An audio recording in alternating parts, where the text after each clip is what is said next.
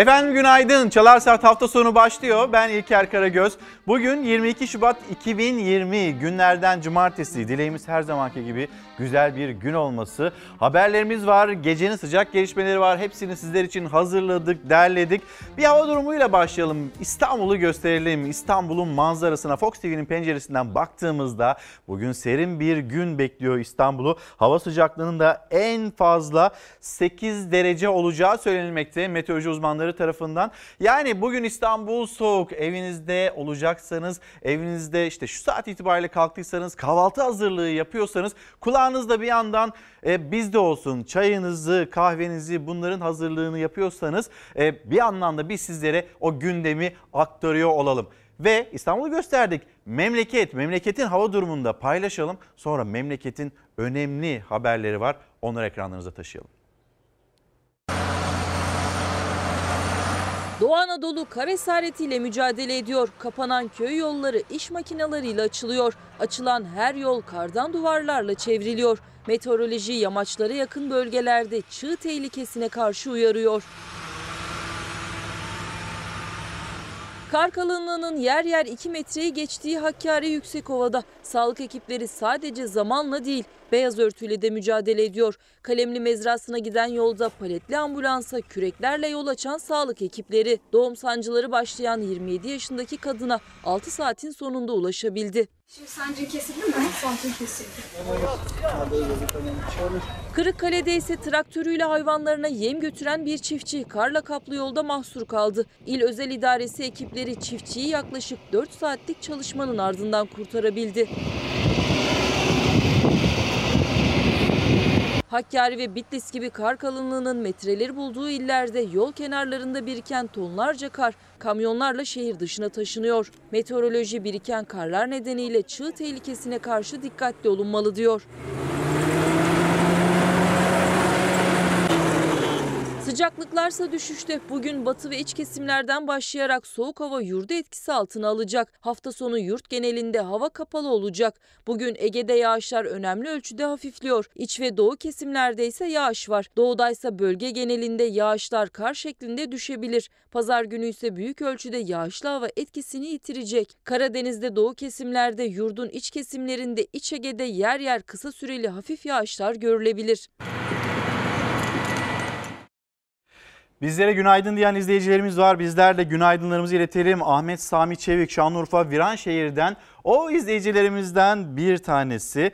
Ee, Fatma Hanım Kayseri'den sevgilerini, selamlarını iletiyor. Gözümüz kulağımız sizde ve her zaman da e, haberleri sizden alıyoruz demekte. Serkan Aslan günaydın sizlere de. Emeklilikte yaşa takılanları da unutmamalı. Bugünkü başlığımız unutmamalı. Neden? Çünkü hafta içinde pek çok gelişme oldu. Hafta içinde takip edebildiyseniz bazı haberler, bazı haberler içinde e, dikkat çeken cümleler, sesler bunları bir kere unutmamamız gerekiyor. Gün gündem gündem üzerine binerken bunları da hafızamızda tutmamız gerekiyor. Sonra unutuyoruz. Unutulunca, geçmişte ne olduğu hatırlanmayınca sonrası yani gelecek iyi, doğru bir şekilde inşa edilemiyor. Getirelim bir gazeteleri. Gazeteler birinci sayfalarında e, kuşkusuz Cumhurbaşkanı Erdoğan'ın İdlib'le ilgili cümleleri an meselesi denilmişti. E, rejime, Esad rejimine süre verilmişti. Burada bu coğrafyada yani İdlib ve çevresinde 15 tane gözlem noktamız var ve bu 15 gözlem noktasının 12'sinin etrafı rejim güçleri tarafından sarılmış durumda. Ve onlara destek veren bir Rusya ile karşı karşıyayız. Rusya ile Türkiye'nin arasının açıldığını gören Amerika Birleşik Devletleri Pentagon biz müttefikimizin yanındayız derken Fırat'ın doğusunda onlar silah yardımlarına devam ediyor. Yani unutmamalı Rusya'nın bugünkü tavrını önceki yıllardaki tavrını, Amerika Birleşik Devletleri'nin YPG konusunda e, Türkiye'ye nasıl bir tavır koyduğunu, Rusya'dan S-400'ü alıyoruz diye nasıl Türkiye'nin önüne ambargolar koyduğunu unutmamak gerekiyor. Unutunca işte hani az önce de söyledik ya bunları unutunca, dünü unutunca yarın pek bir anlaşılmıyor. Ya da yarın ne yapacağınız ya da başkalarının size nasıl davranacağı onlar çok fazla kestirilemiyor. Bir kararlı adım atabilmeniz için geçmişi çok iyi bilmeniz gerekiyor. Karar Gazetesi manşeti harekat öncesi son çıkış. Dün cuma namazı çıkışında Cumhurbaşkanı Erdoğan saatler 18'i gösterdiğinde Türkiye saatiyle Rusya Devlet Başkanı Putin'le görüşeceğini söyledi. Ve biz tavrımızda Putin'le yaptığımız ya da yapacağımız bu görüşmeden sonra keskinleştireceğiz, kesinleştireceğiz açıklamalarını yaptı. Ve Karar Gazetesi'nin manşetine baktığımızda Moskova ve Şam'ın doğrudan Türk askerine hedef alan saldırıları Suriye'de savaş çanlarını çaldırdı.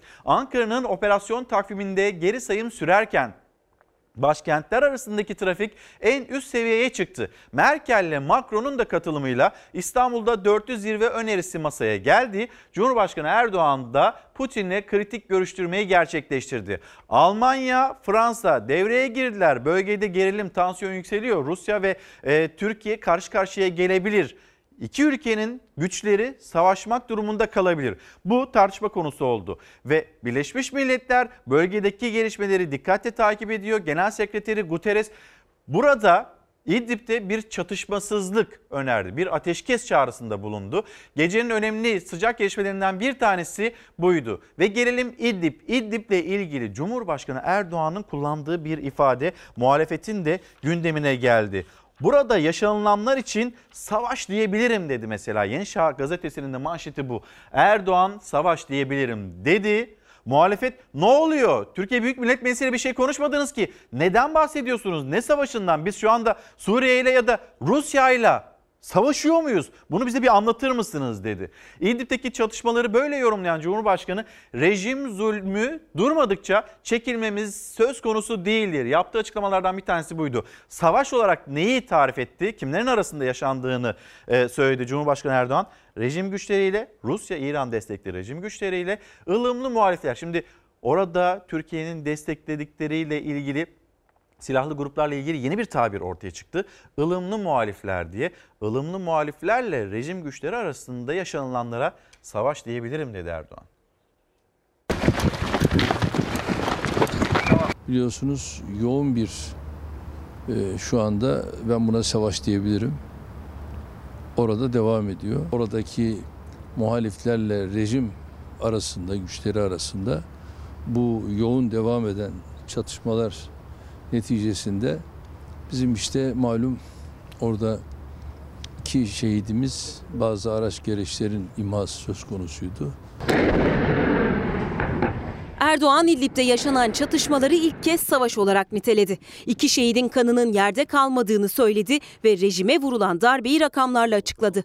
Birleşmiş Milletler Genel Sekreteri Guterres de ses yükseltti. Ateşkes çağrısında bulundu. 150 civarında rejim mensubu etkisiz hale getirildi. 12 tank, 3 zırhlı araç, 14 obüs, top obüsü ve 2 doşkalı pikap Bunlar imha edildi. İki Türk askerin İdlib'de hava saldırısıyla şehit olması Ankara-Moskova hattında ipleri gerdi.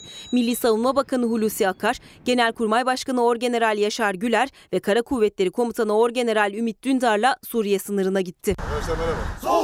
Türkiye-Suriye sınırında hareketlilik devam ederken Milli Savunma Bakanı Hulusi Akar da sıcak noktaya geldi. Sınırdaki birlikleri inceledi. Olası bir operasyon için çalışmaları yerinde denetledi.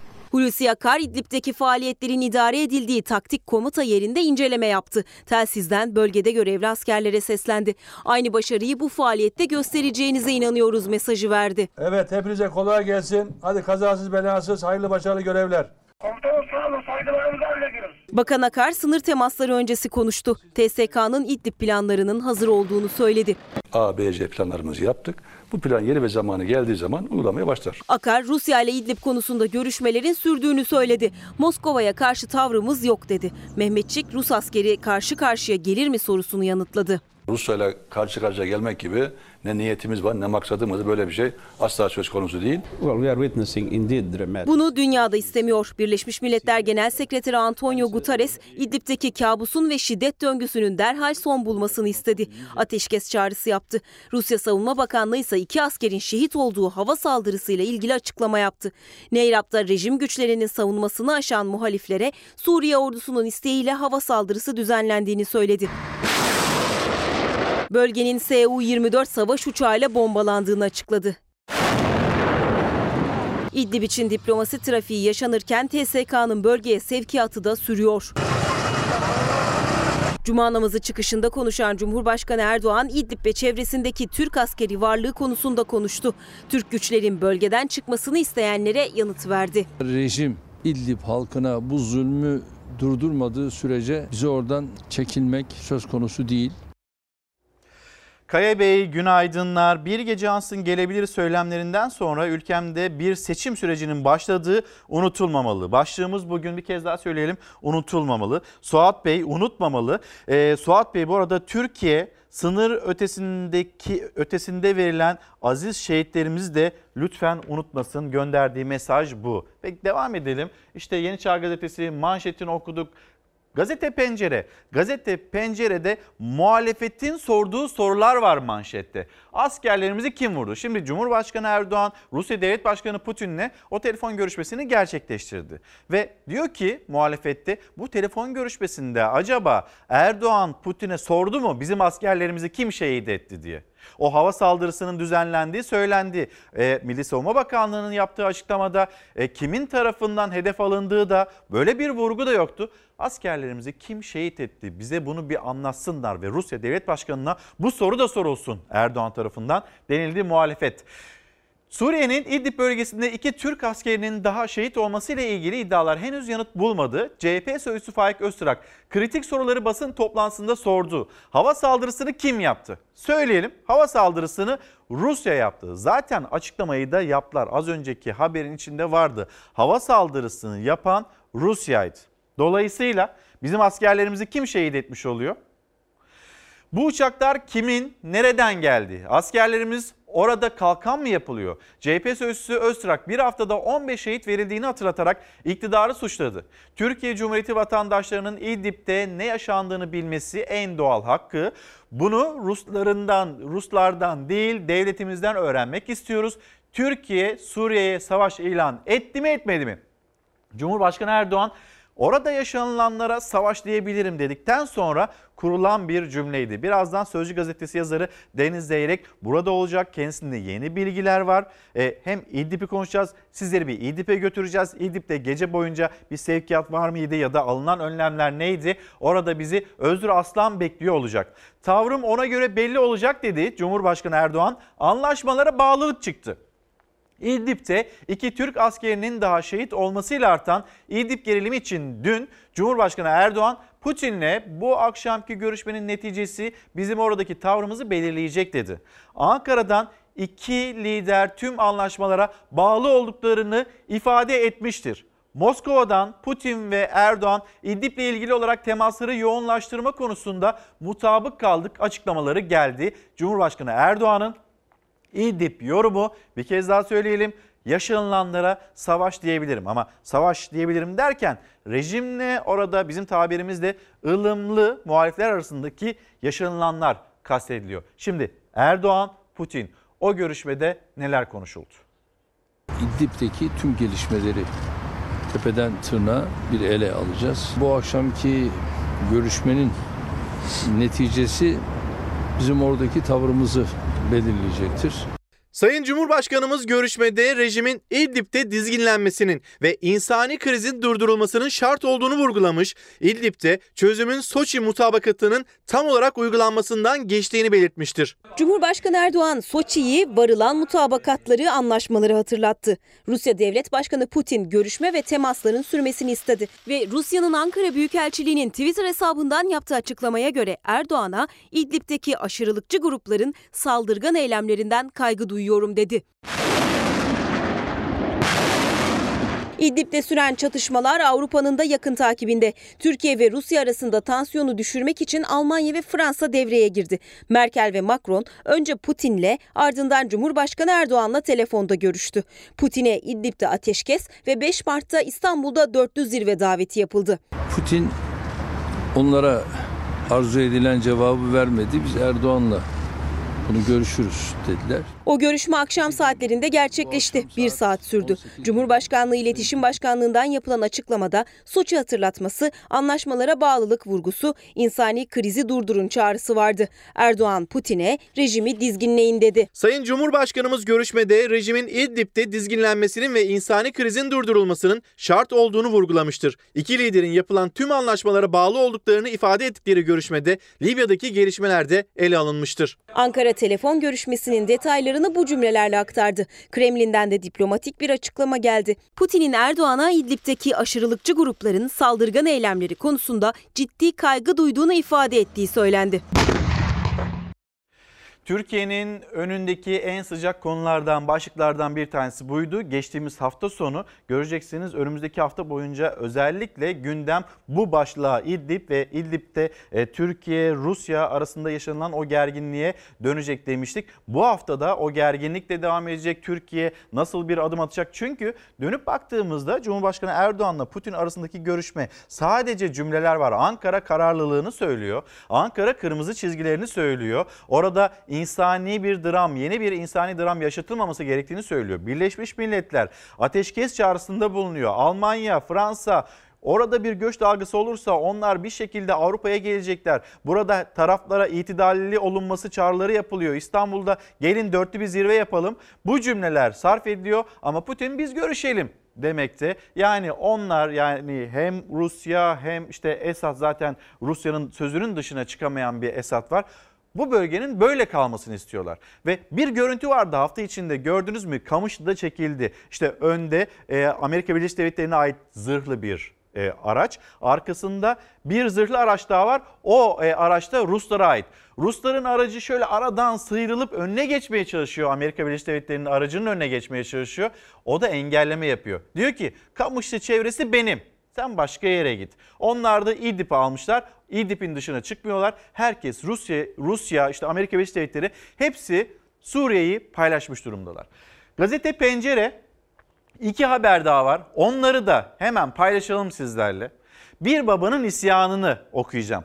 Bu dava burada bitmez. Akademisyen Ceren Damar Şenel'in katili Hasan İsmail Hikmet ağırlaştırılmış müebbet hapis cezasına çarptırıldı ama bir babanın da isyanı var ve bu dava burada bitmez demekte. Neden? Çünkü bazı değerlendirmeler mahkeme heyetinin yaptığı bazı değerlendirmeler aileyi mutlu etmedi ve bu dava ile ilgili herkesin vicdanını rahatlatacak olan herkesin kapısında beklediler.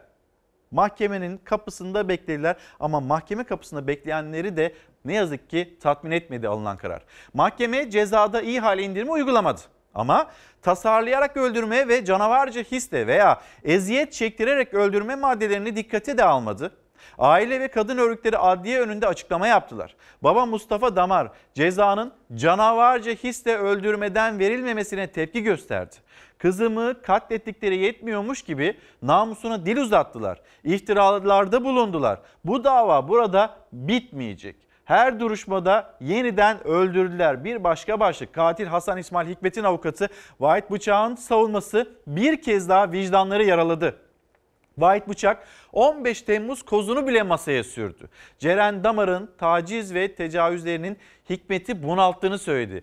O kadar hadsiz, o kadar kalpsiz, o kadar vicdansız bu cümleler kuruldu ki bazı gazetelerden yine okuyacağım.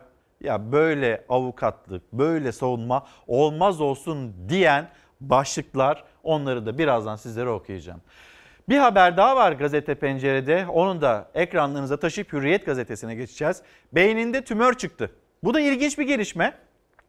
İstanbul Sabiha Gökçen Havalimanı'nda meydana gelen kazada yaralanan ikinci pilot Ferdinand Pondak'ın tedavisi sırasında beyninde tümör olduğu tespit edildi.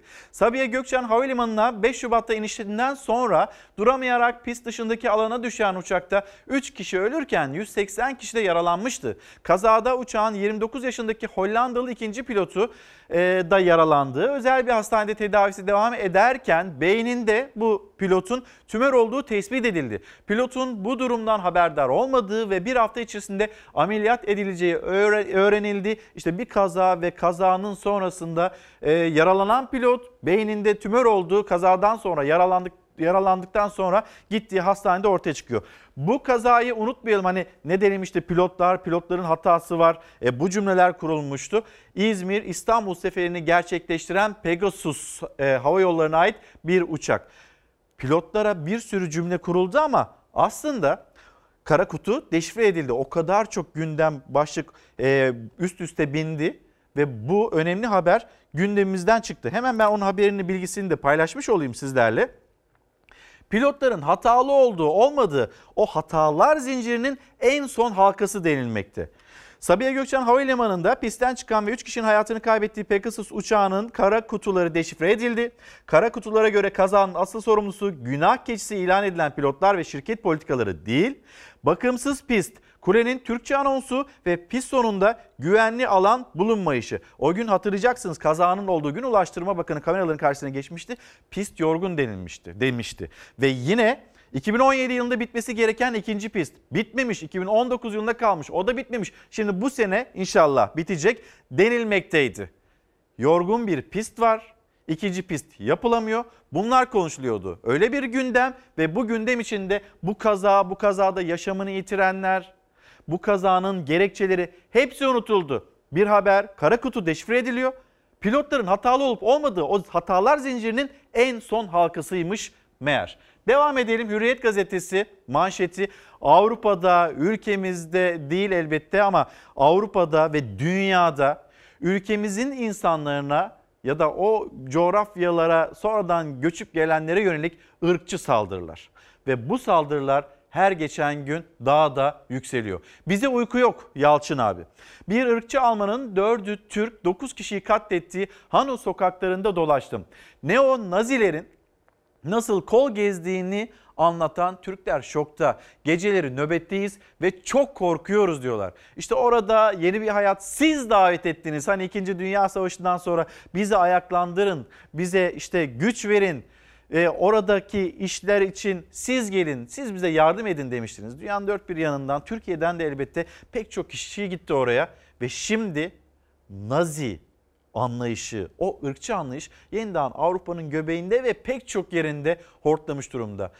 Saldırıda Almanya'da 4 kişinin yaşamını, 4'ü Türk, 10 kişinin yaşamını yitirdiği saldırıdan kurtulan bir Türk, bir Türk genci anlatacak.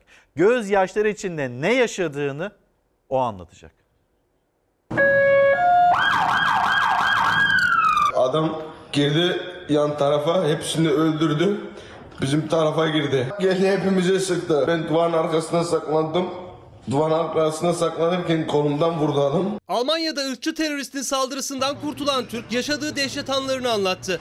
Dördü Türk, 10 kişiyi öldüren saldırganın katliam sonrası kaçış görüntüleri ortaya çıktı. Türkiye Almanya'dan açık ve şeffaf soruşturma istedi. Acımız e, büyük, üzüntümüz derin. Almanlar ırkçı katliamın şokunu yaşasa da saldırı göz göre göre geldi. Camiler kundaklandı, Müslümanlara yönelik saldırılar tırmandı. Ancak önlem alınmayınca eli silahlı neonazi kafe basıp önüne çıkanı öldürdü. Baktım bir adam sarı tişört çekip iki elinden tabancayı tutuyor. Orada herkesi öldürüyor. Alman terörist saldırının ardından koşarak kaçtı. O anları yakındaki bir binanın güvenlik kamerası kaydetti. Saldırıda 4 Türk, Sedat Gürbüz, Fatih Saraçoğlu, Gökhan Gültekin ve Ferhat Ünvar hayatını kaybetti. Berlin Büyükelçisi Ali Kemal Aydın hayatını kaybedenlerin evlerine taziye ziyaretine gitti. Burada karşılaştığı Hristiyan Demokrat Parti milletvekili İsmail Tipi'ye yaptığı sitem bir skandalı gözler önüne serdi. Katliamın gerçekleştiği eyaletin başbakanının Aydın'a randevu vermediği ortaya çıktı. Temsil eden büyükelçi. Bütün eyaletler veriyor. Seninki vermedi. Ne zaman başvurdun? İki, iki defa başvurduk. İkisinde de vermedi. Polis saldırı sonrası soruşturmayı derinleştirdi. Katliamı aşırı sağcı Tobias Rahşen'in yaptığı belirlendi. 43 yaşındaki ırkçı teröristin saldırıdan 5 gün önce katliam yaptığı kafeye gidip maç izlediğini tespit etti. Alman polisi neonazi teröristin evinde 24 sayfalık manifesto buldu. Irkçı saldırgan yok edilmesi gereken halklar listesi yazmış. 24 ülke içinde Türkiye'de bulunuyor. Adam içeri girdi. 10, 12 kişi vardı. 4 kişi sadece yaşayabildi.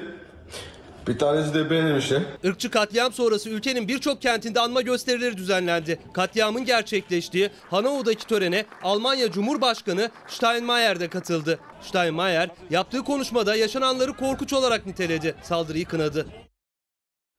Gazeteci Yalçın Bayer'e de orada yaşayanlar, gurbetçilerimiz uyku uyumaktan korkuyoruz. Bize uyku yok Yalçın abi demişler. Hürriyet gazetesinden iki detay daha var. O haberlerden bir tanesi Ceren Damar cinayetine ilişkin ve başta avukatlığın yüz karası.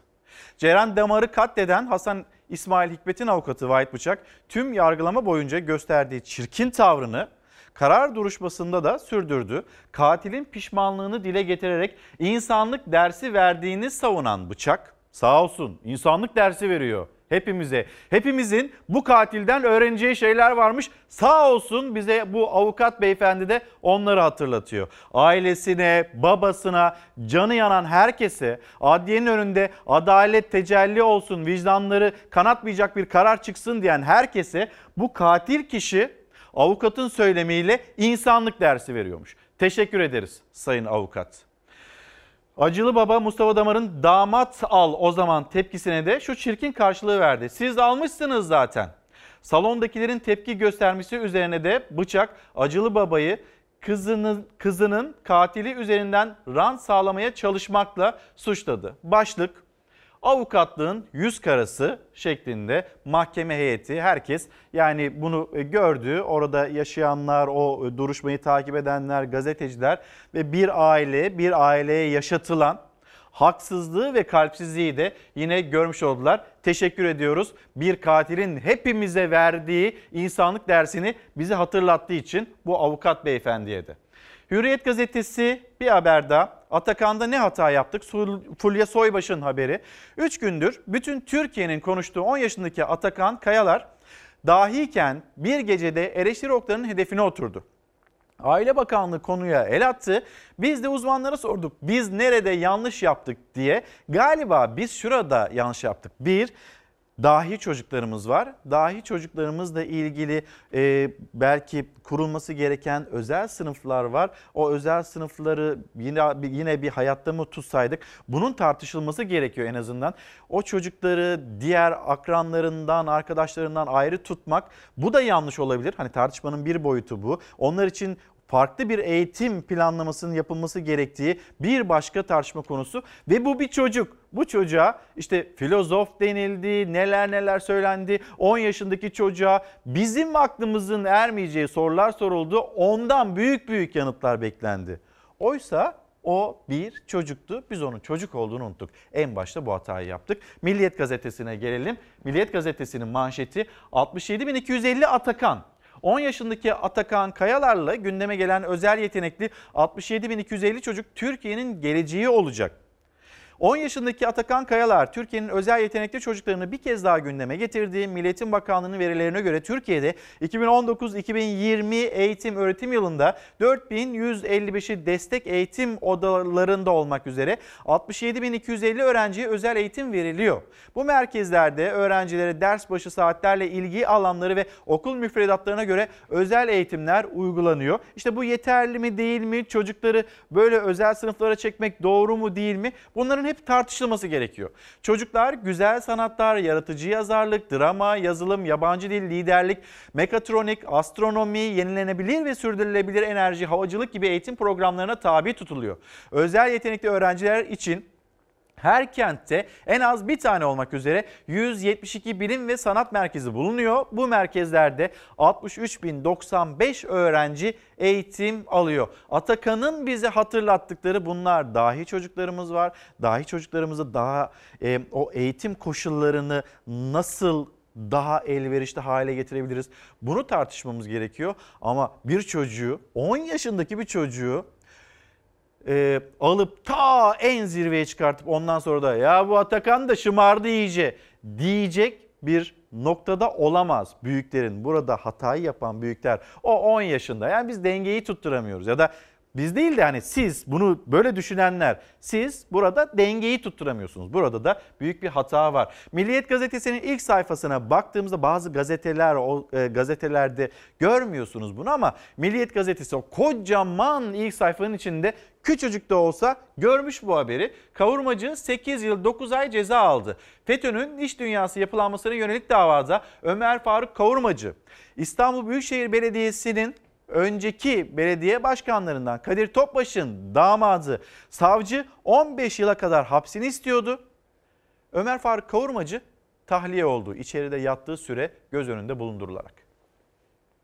Ömer Bey İstanbul Büyükşehir Belediyesi'nin eski başkanı Kadir Topbaş'ın damadı Ömer Faruk Kavurmacı terör örgütüne üye olma suçundan 7,5 yıldan 15 yıla kadar hapsi istendi. Kavurmacı 8 yıl 9 ay ceza aldı. Tahliye oldu. Kimlerin asıl olduğunu herkes görecek.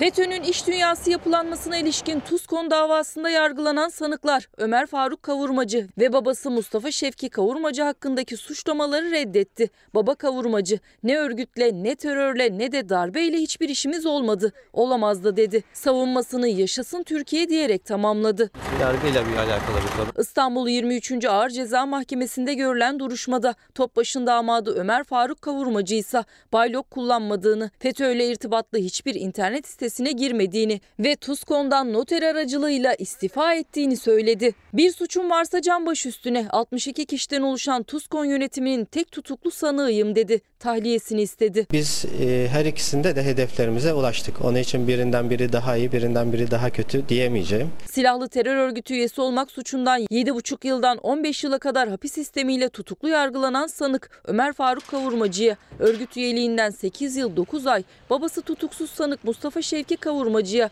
9 yıl 4 ay 15 gün hapis cezası verildi. Mahkeme Kavurmacı'nın yattığı süreyi gözeterek tahliyesine karar verdi. Özcan Bey, Özcan Dönmez günaydınlar. Biraz uçan altından, biraz kaçan dolardan bunlardan da bahseder misiniz? Ülkemizin ekonomisine nasıl zararlar getirecek acaba? Bunları da unutmayalım demekte unutmamalı başlığı altında yazmış. Asgari ücrete gelen zam da %15'ti. Onu da bir hatırlatayım demiş Özcan Bey. Karar Gazetesi başka adam mı bulamadınız? Ozan Ceyhun'un Büyükelçi atanmasına ülkücülerden tepki. Ozan Ceyhun'un Viyana Büyükelçiliğine atanmasına ülkücüler tepki gösterdi. Türk milliyetçiliği ayaklar altına alındı. Ülkücülerin sinir uçlarına bir kez daha dokunuldu. Peki ne oldu? Ozan Ceyhun bu isim kim ve Büyükelçilik görevine nasıl bir hayat hikayesinden sonra ulaştı? Egemen Bağış'ında yakın dostu olduğu söyleniyor. Herhalde canları sıkılmasın diye birbirlerine yakın olan yerlere gönderildiler. Tavla oynarlar. Bu atamalar doyum noktasını aşmıştır. Türkiye açısından utanç vericidir. Ozan Ceyhun Türkiye'nin yeni Viyana Büyükelçisi oldu. O atama muhalefetin de gündeminde, Cumhur İttifakı ortağı MHP'nin de. Ozan Ceyhun ülkücü katilidir. Eski solcu ve yazar Demirtaş Ceyhun'un oğlu Ozan Ceyhun, dev yolcu. 1977 yılında ülkücü Mustafa Erol'un hayatını kaybettiği öğrenci yurduna yapılan bombalı saldırının planlayıcısı olarak suçlanıyordu. Olaydan sonra Avusturya'ya kaçtı. Alman vatandaşlığı aldı. Yeşiller Partisi milletvekiliyken 1915 olaylarını soykırım kabul eden Ermeni tasarısının da altında imzası vardı. Bu katil yurt dışına çıktığı an Avusturya'ya ve Viyana'ya gitmiş yerleşmiş. Kaçakken gittiği yerde Şimdi büyükelçi olarak görev yapacak. 2002 yılında Türkiye'ye döndü Ozan Ceyhun. 2015 seçimlerinde AK Parti'den milletvekili adayı oldu ama seçilemedi. Erdoğan'a da eski bakan Prag Büyükelçisi Egemen Bağış'a da danışmanlık yaptı geçmişte. Artık Türkiye'nin Viyana Büyükelçisi. Sayın Erdoğan Egemen Bağış Prag'da yalnızlık çekmesin diye hemen yakınındaki bir ülkeye Ozan Ceyhun'u büyükelçi olarak atamış. İktidar içinde yüz karasıdır. Bu iktidara destek olan Milliyetçi Hareket Partisi açısından da değerlendirilmesi icap eden bir durumdur. Ülkücü katilini büyükelçi olarak tanımadığım gibi ülkücüleri HDP ve CHP zihniyetine değişenlerin timsah gözyaşlarına da inanmam. CHP İyi Parti en çok da MHP'li Cemal Engin Yurt ateş püskürdü atama kararına. Atamaya ilk tebrikse Çekya Büyükelçisi Egemen Bağış'tan geldi. Hükümet kanadı ise şimdilik sessiz. Efendim Sözcü gazetesi yazarı Deniz Zeyrek şu anda stüdyomuzda. Deniz abi günaydın. Günaydın. İdlib başlığını konuşacağız. Konuşacağımız pek çok konu var. Ee, unutulmamalı dedik. Bu unutulmamalı, e, unutmamalı başlığı altında e, hatırlatmamız gereken sesler var, açıklamalar var. E, ama bu konu hani kimdir bu isim? Nasıl bir tartışma çıkarttı? Bilir misiniz, tanır mısınız? Denk geldiniz mi? Çünkü hariciyeye de hakimsiniz. Biliyorum, tanıyorum. Ee, yani ben kendisi onun ismi üzerinden gitmek istemem ama bakanlıktaki o kadar kalifiye büyükelçi var, kariyer diplomatı var. Onlar şu anda bankamatik memuru gibi geziyorlar. iş verilmediği için. Ama öbür tarafta da bu isimleri büyükelçi yapıyorlar ve biraz önce Almanya'daki Berlin Büyükelçisi istem ediyordu ya. Evet, taziye İşte evinde. iki seferdir randevu istedim, vermiyor başbakan vesaire falan. İşte bu tür olaylar yüzünden vermiyorlar. Yani biz Türk Türkiye olarak dışarı gönderdiğimiz büyükelçilerin e, kari, şeyini böyle kalibresini düşürdükçe e, muhatap devletlerde de bir tavır oluyor böyle mesafe koyuyorlar. Yani ya Dışişleri Bakanlığı'nda diplomat mı yok, büyükelçi mi yok? Şu anda bu dışarıdan büyükelçiler atandığı için büyükelçiler merkeze geliyor. Merkezde de artık oturacak yer yok. Bankamatik memuru gibi gidiyorlar. Geliyorlar bir hukuk müşavirliği gibi bir yer var. Yazık yani bakanlığa da yazık. Ondan sonra da dış politikada işte bocalıyoruz. İdlib Hem meselesi. en- en kritik günlerde İdlib böyle meselesi atamalar- aslında bu atama bu, bu tür şeylerin bir sonucu aslında. En çok orada güçlü olmamız gerekiyor. Tabii. Masada güçlü Tabii olmamız diplomasi, gerekiyor. diplomasi de güçlü olmak lazım. Yani profesyonel kariyer diplomatları, büyükelçileri elleri kolları bağlanmış vaziyette. Gerçekten yani ben bakanlığı çok yakından tanıyorum. 25-26 yıldır o bakanlığı yani ben başladığımda başkatip olanlar şimdi büyükelçilik seviyesinde. E, Dolayısıyla da yazık yani. Bakanlığa yazık. Hani bu isimleri bo- boş ver bir kenara dışarıdan atan üzerlerinde durmaya gerek yok. Zaten MHP'nin tepkisini gör yani Engin Yurt e, haklı olarak sistem ediyor. İşte İyi Parti'de Musavat Dervişoğlu sistem ediyor. Belki MHP lideri Devlet Bahçeli'nin sistemini de e, önümüzdeki hafta grup toplantısında Büyük duyacağız. bununla ihtimalle. Sayın Bahçeli tepki gösterir. Evet. Şimdi e, yani burada güçlü olmamız gerekiyor. Diplomasi masasında güçlü olmamız gerekiyor. Bütün herkesin gözü kulağı Cumhurbaşkanı Erdoğan'la Putin'in dün e, yapacak olduğu ve yapmış olduğu telefon görüşmesindeydi. E, baktığımızda Rusya Ankara'nın hassasiyetlerini anlamıyor. Yerinden de pek kımıldayacak gibi de durmuyor. Bir İdlib meselemiz var. 15 gözlem noktası, 12 gözlem noktasının etrafı rejim güçleri tarafından Rusya'nın desteğiyle sarılmış durumda. Şehitler veriyoruz.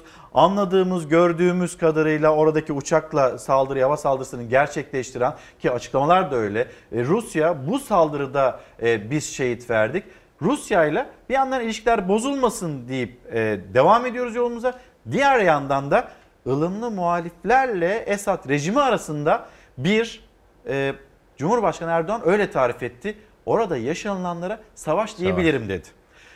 Bu cümleden sonra siyasette bir tartışma nereden çıktı bu savaş kelimesi diye bir bakalım muhalefet Tabii. ne söylüyor öyle devam edelim.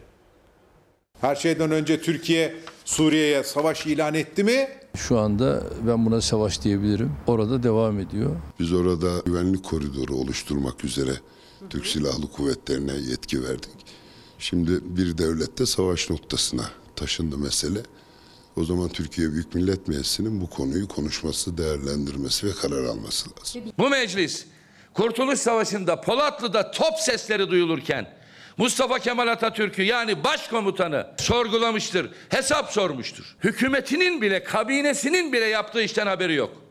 Türk Silahlı Kuvvetleri ile Suriye ordusunun İdlib'de karşı karşıya gelmesi. Cumhurbaşkanı Erdoğan tırmanan gerilimi savaş olarak niteledi. Muhalefet Türkiye savaşa girdiyse meclisin neden bilgisi yok diye tepki gösterdi. Cumhurbaşkanının savaş sözü siyasetin gündemine oturdu. Türk Silahlı Kuvvetleri Türk milletinin ordusudur, Cumhurbaşkanının ordusu değildir. Türkiye Büyük Millet Meclisi'nin ordusudur. Derhal meclisi bir kapalı oturumda bilgilendirmelidir. Şehit vermemize yol açmaya kimsenin hakkı yoktur. Sen caka satacaksın dünyaya diye ben şehit veremem kardeşim. Kurtuluş Savaşı'nda bile e, Atatürk'e hesap soruyordu bu meclis. Ama Tayyip Erdoğan'ı bulamıyor. Şu anda ben buna savaş diyebilirim. Orada devam ediyor. Eğer savaş ilan ettiysek bundan milletimizin de meclisimizin de neden haberi yok? İkincisi askerlerimiz İdlib'de bir takım unsurların yanına iliştirilip Sahada bunlara kalkan mı yapılıyor? İdlib ve etrafına 5000'in üzerinde Tugay büyüklüğündeki bir askeri birliğin göz göre göre sahaya neden sürüldüğünü iktidara soruyoruz. Cumhurbaşkanının Ankara-Şam arasındaki gerilimi savaş olarak nitelemesi Türkiye ile Rusya karşı karşıya gelecek mi sorusu. İdlib krizi Ankara-Moskova arasında da tansiyonu yükseltirken Ankara ile Washington'ı yaklaştırdı. Sayın Trump'a yani biz nasıl Rusya'dan S-400'ler şu anda aldıysak gelin siz bize de patriotlar verin biz onu da alalım. Rusya'dan S-4'leri aldık. Şimdi Amerika'ya diyoruz ki Hatay'a konuşlandırmak üzere bana iki tane patriot ver. Amerika bizim stratejik ortağımız. Bizim ülkemize karşı efendim bir hem e, hava füze tehdidi var. Bu manada böyle bir Patriot efendim bataryası desteği olabilir. Milli Savunma Bakanı Akar, S-400 kurulumunun planlandığı gibi ilerlediğini söyledi ama Rusya ile yaşanan gerilim sonrası Amerika'dan Patriot alımını yeniden gündeme getirdi. Bizim hala hava savunma sistemlerine, ilave savunma hava savunma sistemlerine ihtiyacımız var.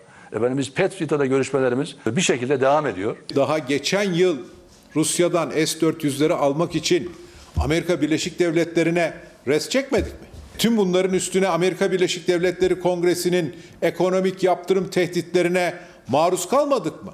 Yani biz tek düze çalışmak istemiyoruz. Yani S-400'de kullanabiliriz. Patriot da kullanabiliriz. Özellikle bu çatışmadan ve kaostan beslenecek olan Türkiye değil, Amerika Birleşik Devletleri'nin bizatihi kendisi olacaktır. Amerika Birleşik Devletleri'nin Türkiye Cumhuriyeti'nin sırtını sıvazlayıp Türkiye ile Rusya'yı karşı karşıya getirme arzu ve projesine bu oyuna gelmesinden endişe ediyorum. Bir yanda İdlib'de yükselen tansiyon ve Erdoğan'ın savaş açıklaması. Diğer yanda Amerika ile yakın temas. Muhalefet hem tepkili hem temkinli. Deniz abi Sabah gazetesi manşeti zulüm bitmeden İdlib'den çekilmeyiz. Başkan Erdoğan rejim İdlib halkına zulmünü durdurmadığı sürece bizim için oradan çekilmek söz konusu değil. Ateşkesi ancak bu şekilde yapabiliriz dedi. Verdiği mesaj bu. Özgür Aslan bizi sınırda bekliyor. Bir gidelim. Evet. Gece boyunca ne oldu ne bitti sıcak gelişmelerini hemen Özgür Aslan'dan da almış olalım. Ee, Özgür günaydın. Sıcak gelişmeler, yeni gelişmeler. Ee, sen de hemen seni dinliyoruz. Günaydın İlker Karagöz. E, sınırdayız. Cilve Gözü sınır kapısının bulunduğu noktadayız ve e, dün akşamdan itibaren Cumhurbaşkanı Erdoğan'la Rusya Devlet Başkanı Putin'in görüşmesinin ardından yaşanacakları bekliyorduk ki o görüşmenin ardından aslında bir süre daha görüşme yapılacağı gibi bir anlam çıkardık açıkçası. E, görüştüler. Astana ve Soçi süreçlerine sadık kalınacağı görüşüldü, konuşuldu. E, ancak bölgede bir değişiklik olmadı desek yeridir. Çünkü Serakip ve Neyrap bölgelerinde hala çatışmalar yaşanıyor. Cumhurbaşkanı Erdoğan'ın orada bir savaş var diyebileceğim, buna bir savaş diyebilirim dediği bölge orası çok kritik, çok önemli bölge. Türkiye'nin gözlem noktalarını da içine alan, bazı gözlem noktalarını içine alan bir bölge ve özellikle de M4, M5 karayolları dediğimiz karayollarını da kapsayan Serakip ve Neyrap'ı geçince çünkü e, Suriye rejimi bu karayollarını da kontrolünü ele geçirmiş oluyor. Bir kesişme noktasını ele geçirmiş oluyor. Bu kesişme noktasının ele geçirilmesi demek ki demek oluyor ki e, bu güzergah üzerinden yapılabilecek takviyeler, destekler, askeri sevkiyatlarda engellenecek demek oluyor bu. Bu bizim askerlerimizin bölgede bir kuşatma altında kalmasına sebep olabilecek bir girişim. Rejim güçlerinin yaptığı bu girişim işte bu nedenle de Türkiye bölgeden çekilmemeyi e, çekilmemekte kararlı görünüyor. E, karşı tarafta ise Esad rejiminin saldırısı devam ediyor. İşte bu yüzden de geceden beri de e, Serakip ve Neyrap bölgelerini topçu atışlarıyla topçu atışlarıyla vuruluyor bölge. E, Türkiye'nin oradan çekilmemesinin belki de en önemli gerekçelerinden biri sınıra doğru gelebilecek sivillerin göçleri aslında. Çünkü İdlib bölgesi aslında yaklaşık 1 milyon nüfusu olan bir bölgeyken e, çatışmasız 4 ayrı çatışmasızlık bölgesinin ihlal edilmesiyle rejimin yukarıya doğru gelmesiyle beraber geride sadece İdlib kaldı. Dolayısıyla da İdlib'deki nüfus bir anda 4 milyona kadar yükseldi ve bu 4 milyonluk nüfusta zaten Şubat ayının başından beri hatta Ocak ayının sonundan beri İdlib sınırına doğru yapılan saldırılar nedeniyle e, göç etmeyi, Zeytin Dalı ve Fırat Kalkanı bölgelerine doğru da göç etmeyi sürdürmüştü. İşte ne olacak bu sivillerin durumu diye konuştuğumuzda dün Suriye Türkmen Meclisi Başkanı'yla burada yine sınırda bir görüşmemiz oldu. Kendisi artık Zeytin Dalı ve Fırat Kalkanı bölgelerinde e, değil bir çadır kuracak artık oturulacak bir nokta insanları toplayacak e, sığınmalarını sağlayacak tek bir nokta bile artık kalmadığını insanların ağaçların altında bile yaşamaya başladığını söyledi bu bölgelerde. Bu şu demek oluyor artık gidilecek başka bir yer yok ve o bölgedeki insanların gelebilecekleri saldırılar devam ederse gelebilecekleri tek nokta kuzey yani İdlib Türkiye sınır noktası şu an bizim de bulunduğumuz Cilve Gözlü bölgesi. İşte bu göçün de önlenmesi için aslında bölgede Türk askeri varlığını sürdürüyor İlker Karagöz. Önümüzdeki günlerde, önümüzdeki saatlerde bölge çok sıcak çünkü her an yeni bir gelişme yaşanabilir. Esad rejimi geri çekilecek mi? Ee, Rusya Devlet Başkanı ile Cumhurbaşkanı Erdoğan'ın tekrar eden görüşmeleri olursa o görüşmeler nasıl sonuç verecek? Şimdilik kestirmek zor ama şu anki durum bu. Göçün önlenmesi ve Mehmetçiğin de bulunduğu bölgeden Esad rejimin uzaklaşması M4 ve M5 karayollarının ki bunlar Halep'ten Şam'a uzanan e, bağlantıyı sağlayan karayollarıdır. Bu karayollarının da gerisine çıkması bekleniyor rejimin. Zaten çatışmalar, anlaşmazlık da bu yüzden.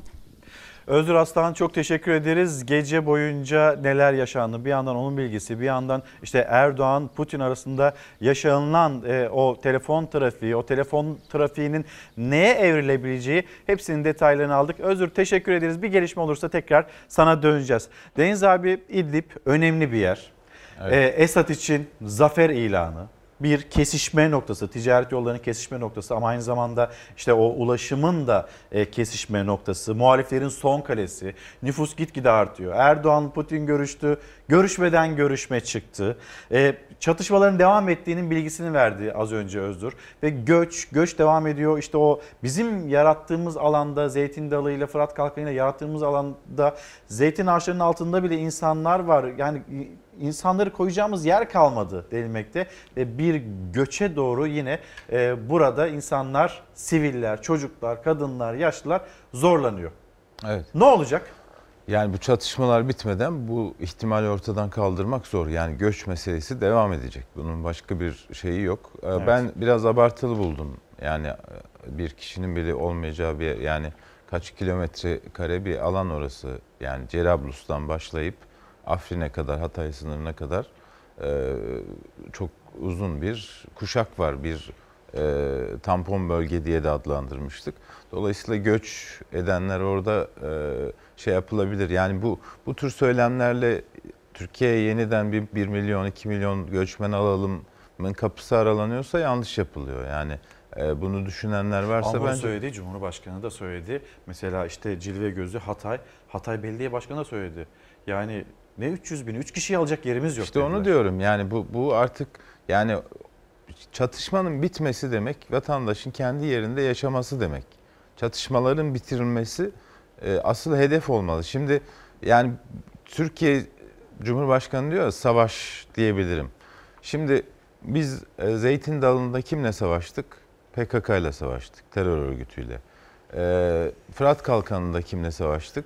IŞİD'le savaştık. Yani terörle savaştık. Barış Pınarı'nda kimle savaştık? Barış Pınarı'nda da e, terör, PKK terör örgütüyle savaştık. Yani Suriye topraklarındaki askeri varlığımızın bir terörle mücadele boyutu vardı. Hem kendi sınır güvenliğimizi sağladık hem de Türkiye'ye tehdit olan terör örgütleriyle mücadele ettik. E şimdi İdlib'de savaş varsa kime karşı? PKK'ya karşı mı? Değil. Terör örgütü işi de karşı mı? Değil. Kime karşı? Esad'a karşı. Yani Suriye ile adı konulmamış bir savaştan bahsediyor Sayın Cumhurbaşkanı. E, Suriye ile savaşıyorsan aynı zamanda kiminle savaşıyorsun? Rusya ile savaşıyorsun. Şimdi biz bunları çok konuşmuyoruz ama dün önceki gün bütün Rus medyası bunları yazdı çizdi. Olay şöyle olmuş. Bir grup Özgür Suriye ordusu e, Esad güçlerine doğru taarruza geçmiş. Biz onlardan ılımlı muhalifler diye söz ediyoruz. Ha, yani dip... Rus uçakları evet. da Esad'ın isteğiyle bu taarruzu hava bombardımanıyla kesmek için bombardıman yapmış ve bizim askerlerimiz Rus bombardımanında şehit olmuş. Bu kadar açık ve net. Yani bizim iki şehidimizin katili Ruslar. E şimdi bir taraftan Rusya ile böyle e, kol kola bilmem ne S-400 alıyoruz, nükleer santral alıyoruz, bilmem ne yapıyoruz. Yani bu kadar böyle şey görünüp öbür taraftan da askerlerimizi şeydi. Yani Sayın Cumhurbaşkanı rakam veriyor. Şu kadar Suriye askeri öldü, şu kadar ta- tank tahrip edildi, şu kadar obüs vuruldu. E Rus uçakları dolanıyor. Bizim Mehmetçiğimizin katili Ruslar orada. E, ne olacak? Yani bu burada Hava sahası kapalı. Tabii bizim uçaklarımız müdahale edemiyor. Yaralıları e, yani helikopter e, yaralı almak için gitme, gi- gitmekte büyük zorluklar yaşanıyor vesaire. Yani e, Rusya ile çok ciddi anlamda kriz var.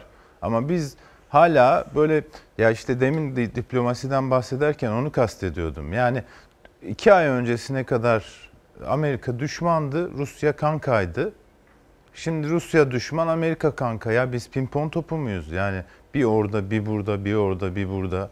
Ya bir ülkenin diplomasisi hani bir rotası olur, bir omurgası olur. Deriz ki bizim buradaki dış politikamız şudur. Nedir yani şu anda Özgür Suriye ordusunu desteklemek dışında istikrarlı bir e, dış siyasetimiz yok. Tek hani e, elle tutulur somut olarak şu şudur diyebileceğimiz şey o. Yani e, Esad şu anda kendi topraklarında e, kendisine muhalefet olan insanlarla savaşıyor. Sen ona ılımlı muhalefet diyorsun, işte öbürüne terör örgütü diyorsun. Esad diyor ki benim karşıma geçen eline silah alan herkes benim açımdan düşmandır diyor. E şimdi böyle bir ortam yaratıldı. Bunun, bunun derhal bitirilmesi lazım. Diplomasinin devreye girmesi lazım. Ateşkesin yeniden sağlanması lazım. Yoksa biz daha çok göçten bahsederiz, daha çok çatışmadan bahsederiz. Yani unutmamak lazım. Biz şu anda İdlib'de terörle mücadele etmiyoruz. Yani muhatabımız terör örgütleri değil. Muhatabımız doğrudan Esad. Dolayısıyla doğrudan Rusya. Bir savaş varsa Esad'la ve Rusya'yla savaşıyoruz. Bunun da adının konulması lazım. Unutulmamalı dediğimiz bir e, durum bu. Aynı zamanda eğer Hüseyin hazırsa bir yani baba kız unutu- var. ben- benim açımdan unutulmamalı. İki şehidimizin katilinin Rusya olduğu unutulmamalı. Ben ben böyle diyorum. E, iki şehidimizin katilinin Rusya olduğu unutulmamalı. Amerika Birleşik Devletleri'nin bölgede ne yapmaya çalışı, çalıştığı unutulmamalı. E, Ya onlar da başkalarının mesela bak, topraklarında. İlker onlar da gerçekten yani ben sabah dinlerken hani ba- başsağlığı dilemişler ya. Ya Barış Pınarı Harekatı'nda şehit olan askerlerimiz için niye dilemediniz? O zaman müttefik değildik. Niye O dilemediniz? zaman onların müttefiki YPG'ydi. E tamam işte o, yani onların bölgesinde çıkan Şimdi ben burayı çatışma- böler miyim? Onlar çok yakınlaştı. S-400 Bu- vesaire. Bu Hani- da işte bir ikiyüzlülük. Yani tabii ki canım bizim- yani bizim- bunun tarifini unutulmamalı işte. Yani o unutmayacaksın. Burada yapılmış olan e, ikiyüzlülüğü de unutmayacaksın. Şunu da unutmayalım. Biz bizim unutmamamız vatandaşın unutmaması önemli değil ki devlet unutmasın. Ama Devlet vatandaş da bunu yeri geldiğinde unutmasın. unutturmaz Deniz abi. Ben ona inanıyorum. Bir baba ve kızı işte başkalarının ülkelerinde gözünü petrole dikenler maalesef bu coğrafyada kahkahanın da acısını bu çocuklara miras bırakmaya çalışıyorlar. Buna da itiraz etmemiz gerekiyor. Bunun da unutulmaması gerekiyor. Şimdi Selvan'ın hikayesi.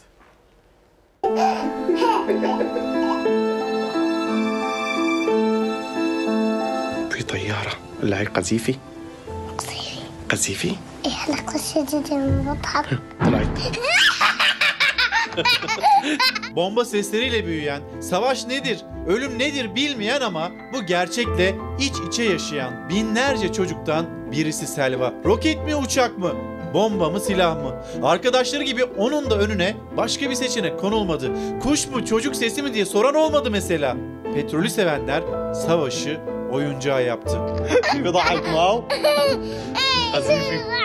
Yani başka ülkelerin topraklarına ve zenginliğine göz dikenler bu coğrafyanın çocuklarına da kahkahanın acısını reva görüyor. İşte bir baba hemen yanı başlarında patlayan bombalardan, ardında bıraktığı harabeden, yıktığı hayallerden, korkudan, gözyaşlarından kızını korumaya çalışan bir baba. Abdullah Muhammed. Selvasıyla her gün her saat oynadıkları oyunun sadece 26 saniyesini paylaştı sosyal medyada. Dünya roket mi uçak mı kıskacında sıkışıp kalan ve yürekleri yaralayan gülüşü öyle işitti. Bir tayyara. Lay kazifi. Kazifi. İhla kaşıcı dedim. Baba. فورا انا شلتها واخذتها Geçen Kurban Bayramı'nda çocuklar havai fişek patlatıyordu. Kızım korktu ve ağlamaya başladı. Balkona çıkardım ve oynayan çocukları gösterdim. Korkmaması gerektiğini söyledim ve patlama sesi duyunca gülmesini istedim. 6 aydır oynuyorlar bu oyunu. 4 yaşındaki Selva her patlama sesinde daha çok gülüyor. O güldükçe dünya daha iyi değil.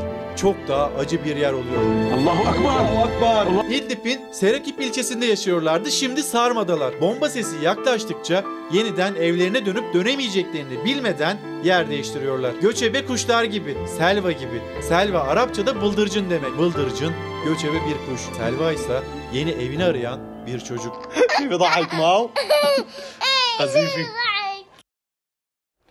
bir baba ve kızı evet. o coğrafyada yaşamaya çalışan, ayakta kalmaya çalışan insanlar hikayeleri. Sen mi yazdın bunu? Ben yazdım abi. Evet. Yani onu onu görünce, e, o kahkahayı Şey görünce, biraz o değil mi? acı durumu Ee, görünce Bu Hayat Güzeldir diye bir film vardı. vardır. E, onun da zaten Oscar, çok yabancı. Oscar'ı al, aldı. Maalesef ama o, o filmin hani finalinde Evet. baba hayatını kaybediyor.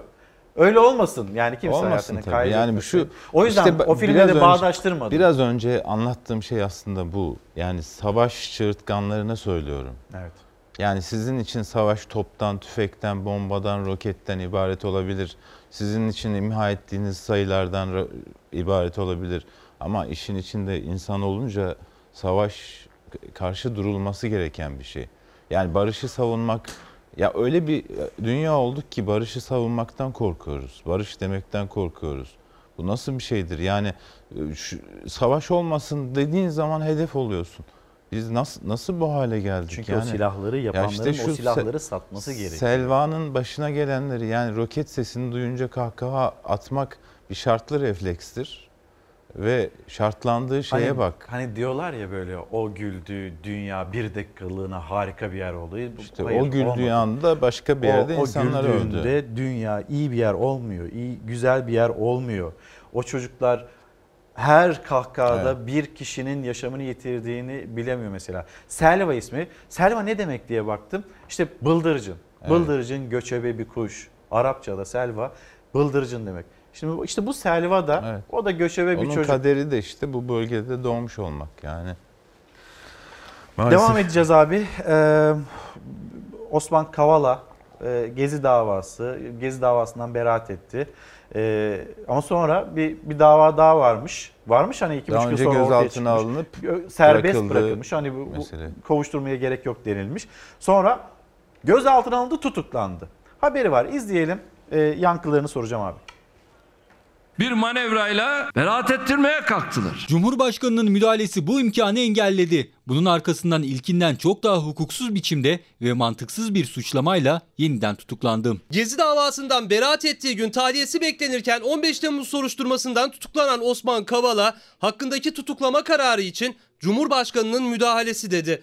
Yazılı açıklama yaptı. Muhalefetin de tutuklamaya tepkisi sürüyor. Benim 15 Temmuz darbe girişiminin planlayıcısı olduğum iddiası gezi protestolarını planladığım ve organize ettiğim iddiasından çok daha mantıksızdır ve yoğun bir art niyeti göstermektedir. Eğer devleti yönetenler adalete saygı göstermez, öfkeyle hareket ederse o devletin sadece hukuk devleti veya demokratik kimliği değil, devlet olma vasfı da tartışılmaya başlar. Cumhurbaşkanının bizzat müdahil olmasıdır. Bu hukukun zedelenmesine vesile olur. 4 ay önce tahliye edildiği dosyadan tutuklandı Kavala. Suçun ağırlığı ve kaçma şüphesi gerekçe gösterilerek tutuklanması için bir art niyet göstergesi dedi. Üzerimdeki suçlamalar çürütülmüştü açıklaması yaptı. İki buçuk yıl önce bana yöneltilen bu suçlamanın tek dayanağı olan Henry Barkey ile yoğun irtibatım olduğu iddiası emniyetten gelen iletişim kayıtlarıyla uzun zaman önce çürütülmüştü. Kaldı ki Avrupa İnsan Hakları Mahkemesi de bu iki suçlama için hak ihlali kararına bağlanmıştı. Mahkeme şimdi Avrupa İnsan Hakları Mahkemesi'nin bu kararını da tanımamış oluyor. Yargı işte bir kısmını ne yaptı?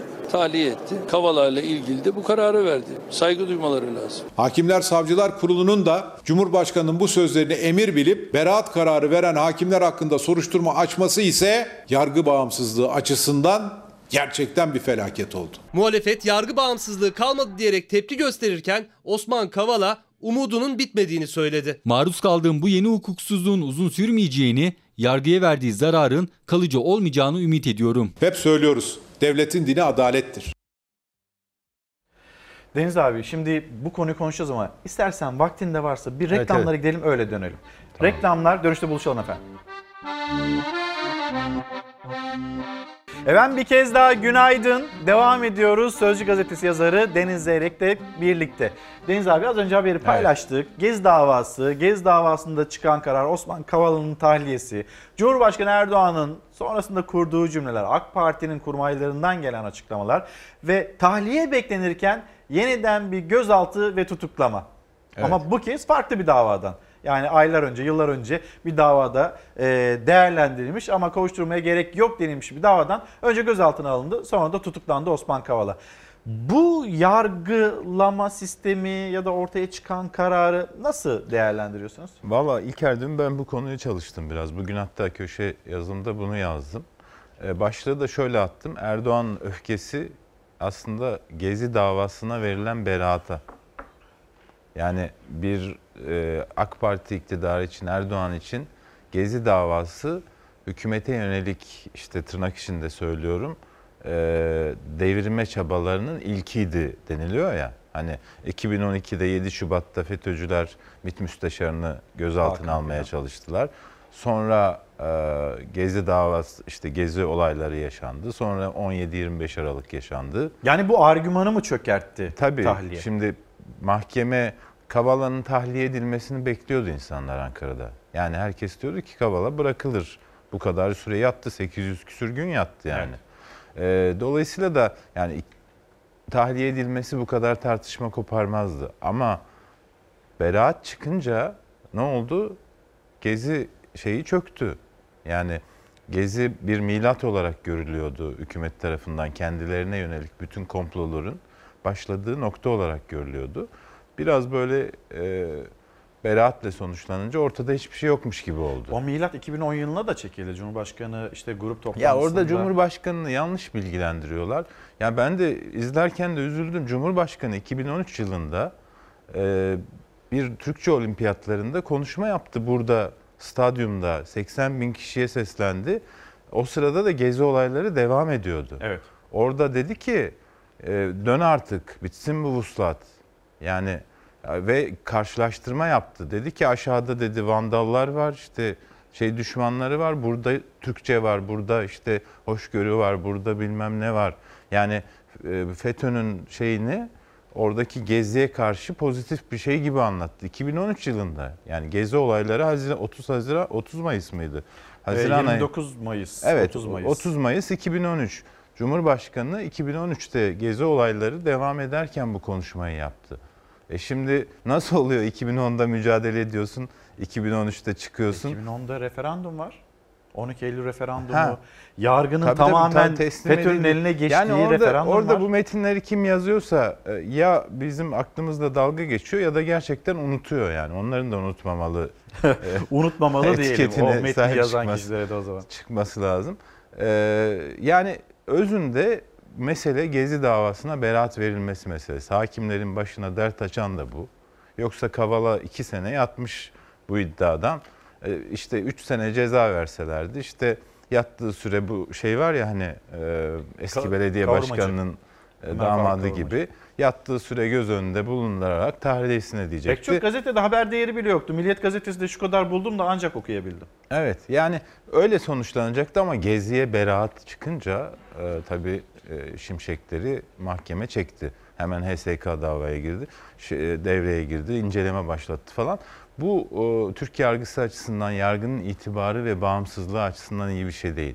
Yani ülkeyi yöneten siyasetçilerin çıkıp yargı kararlarıyla ilgili yorum yapması ve peşi sıra yargı mekanizmasında o kararları veren yargıçlarla ilgili işlem yapılması hoş bir manzara değil. Bunun, bunun artık son bulması lazım. Geçenlerde Yılmaz Özdil çok güzel bir derleme yapmıştı yazısında. Yani bir taraftan ahime giydiriyoruz, ahim sonra lehte karar verince alkışlıyoruz. Ee, ahime başvuruyoruz, kendi hakkımızı savunuyoruz. Sonra ahim bizim mağdur ettiğimiz biri hakkında karar veriyor. Ahim de kimmiş diyoruz falan. Yani bu tür şeyler, çelişkiler, bu tür e, müdahale görüntüsü, siyaset gölgesi yargımızı e, maalesef itibarı ve bağımsızlığı açısından zan altında bırakıyor. Ama diyor ki mesela MHP lideri Devlet Bahçeli şunu yapalım diyor. Ön yargıları bırakalım, çatık kaşları bırakalım, birbirimize sahip çıkalım. Yani iç cephede güçlü olalım. Ee, hemen bir cümlelerine bakalım. Bunu da konuşalım. Kısacık bir Tamam. 9 saniye 10 saniye Bahçeli ne dedi bir bakalım öyle. Çözemediğimiz sorunları derin dondurucuya koyalım. Ön yargıları bir kenara bırakalım. Birbirimize çatık kaşla bakmak yerine çevik bir iradeyle sahip çıkalım. Çözemediğimiz sorunlar beklesin diyor MHP lideri.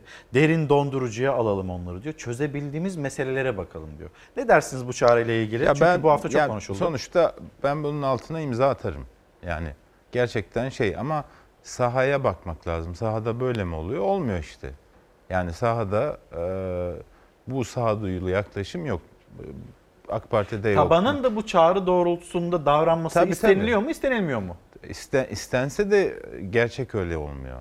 Yani ve MHP de öyle davranmıyor, CHP de öyle davranmıyor, AK Parti de öyle davranmıyor. Keşke her, herkes bu çağrıya kulak verse. Bak mesela ben İzmir'de e, dikkatimi çekti. E, Tunç Soyer, e, Çiğli tramvayının Ulaştırma Bakanlığı'nca onaylanması nedeniyle AK Parti İzmir Milletvekiline teşekkür tweet attı. Hamza Dağ. O da yanıt verdi. İzmir için çalışmaya devam edeceğiz birlikte. Şimdi o kadar özlenen bir tablo ki bu. Yani bunları unuttuk biz. Bunlar böyle e, o kadar kutuplaşmışız ki mesela Tunç Soyer'e bu tweetten dolayı tepki geliyor kendi tabanından. Hamza Dağ e, aynı nezaket içinde verdiği yanıttan dolayı kendi tabanından tepki E ne olacak geliyor. yani? Ne olması isteniyor? Herhalde sürekli ringde birbirimizi yumruklamamızı bekliyorlar. Yani onun için Sayın Bahçeli'nin söylediği şey... Ama insanları o hale kim getirdi? Onu da Siyasetçiler konuşacağız. getirdi Ha, tabii ki. Yani onu da konuşacağız. O kitleyi yaratıyorsunuz sonra diyorsunuz ki "Aa, bir saniye tamam artık ayrılalım. Derin dondurucuya koyalım.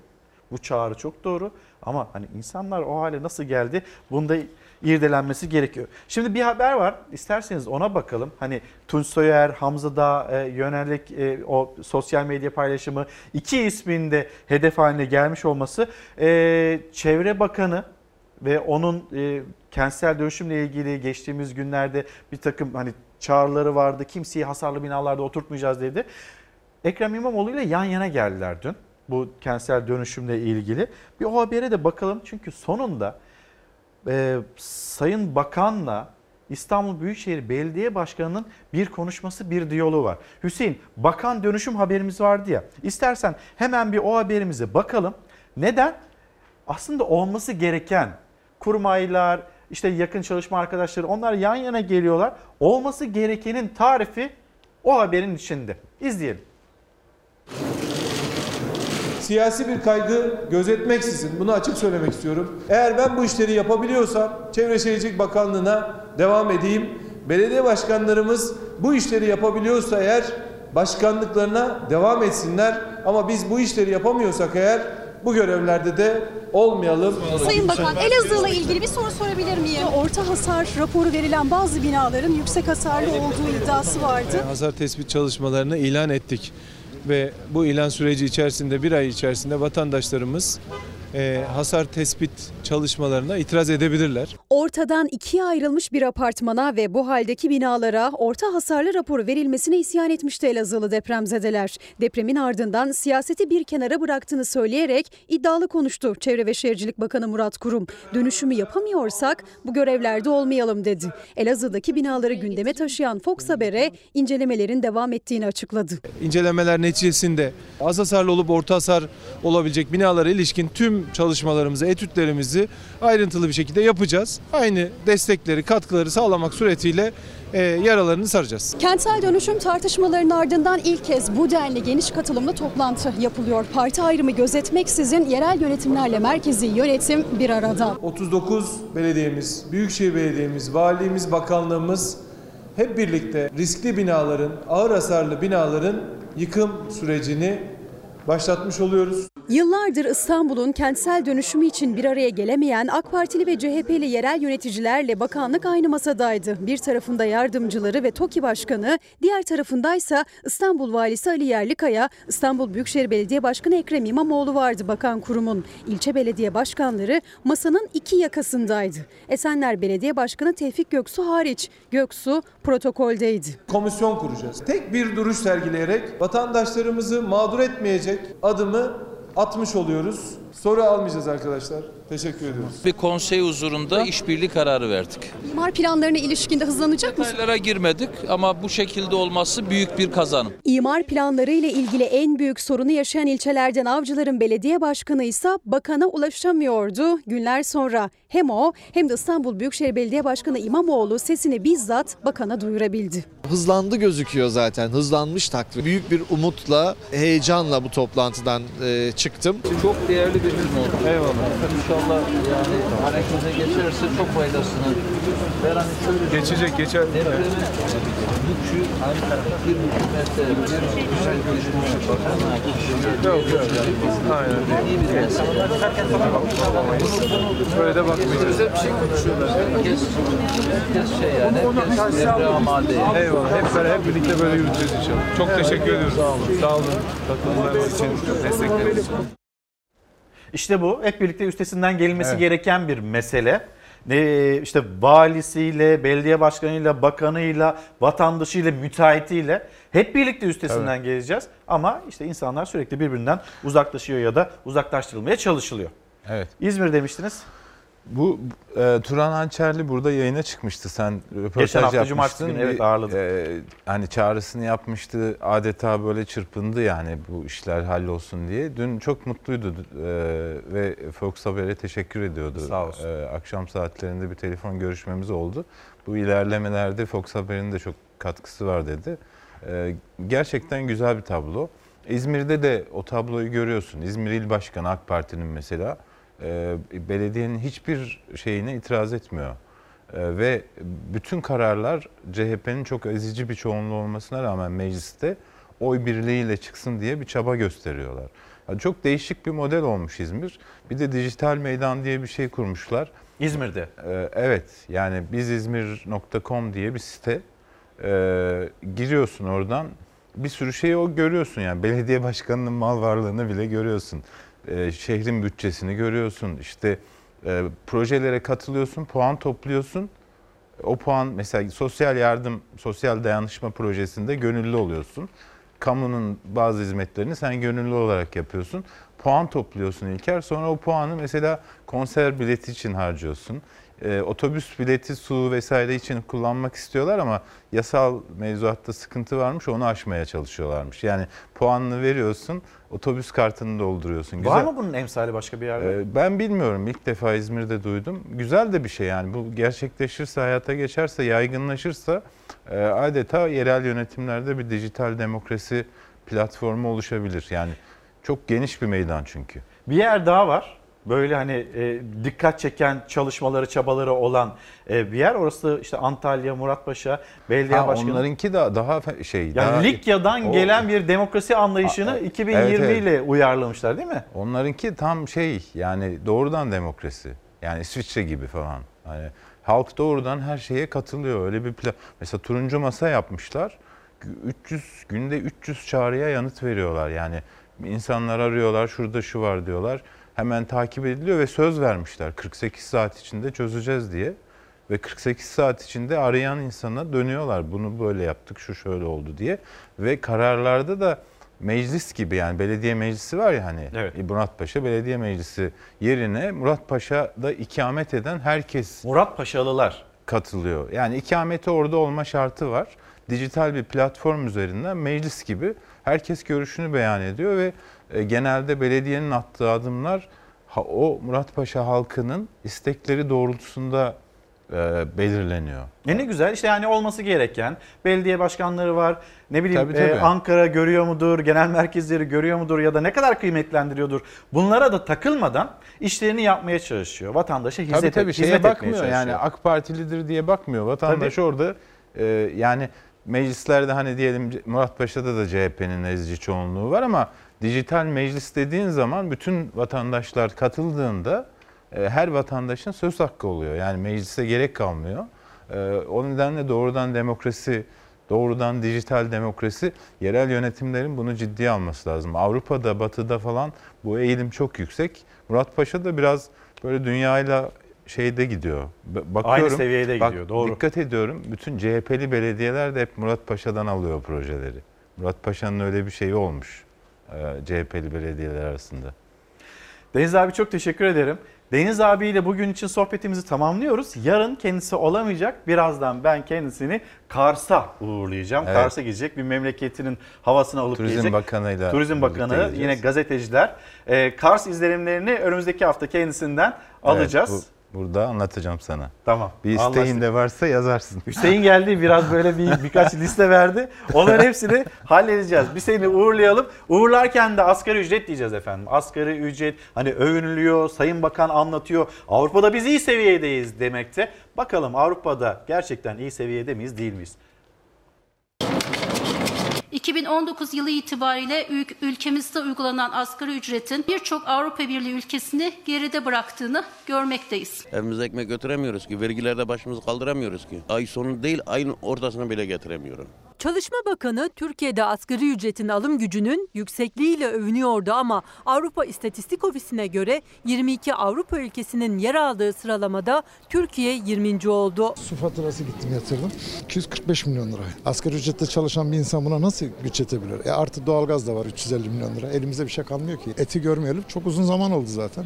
İşte pazarlardan falan hangisi ucuzsa o şekilde tedarik etmeye çalışıyoruz. Türkiye 2324 lira yani 448 euroluk asgari ücretle sadece Letonya ve Bulgaristan'ı geride bırakabildi. Ama zaten bu iki ülkede de asgari ücretle çalışan sayısı çok az. Türkiye'de çalışanların %43'ü asgari ücretle çalışıyor. Asgari ücret komşuluğu diye tarif ettiğimiz asgari ücretin %16 ve %10 üstü de ücret alanlarla birlikte hesapladığımızda toplam istihdamın %70'ine ulaşıyoruz. Bulgaristan'da nüfusun sadece %3,4'ü, Letonya'da ise %11,9'u asgari ücretle çalışıyor. Türkiye'de ise nüfusun neredeyse yarısı asgari ücretli. Cebimizde ne kadar kalıyor? 20 lira 30 lira kalıyorsa kafidir yani öpüp başımıza koyuyoruz. 2020 yılı için asgari ücret biliyorsunuz AGİ dahil 2324 lira olarak hesaplandı ve daha birinci ayda Ocak ayındaki açlık sınırının altına düşmüş durumda. Ben okuyordum. Açık öğretime geçtim hem annemlere yardımcı olmak için. Normalde hani bir maaşla bir askeri ücretle geçinilmiyor. Bir tek sizin geliriniz mi var? 3 kişiyiz. 3 kişi olduğumuz halde gene zor geçiniliyor. Kredi kartından e, harcama yapılıyor. Onun da zaten ekstresi geliyor ya yetmiyor. Asgarisini ödüyorum. 1 lira bile kalmıyor cebimde.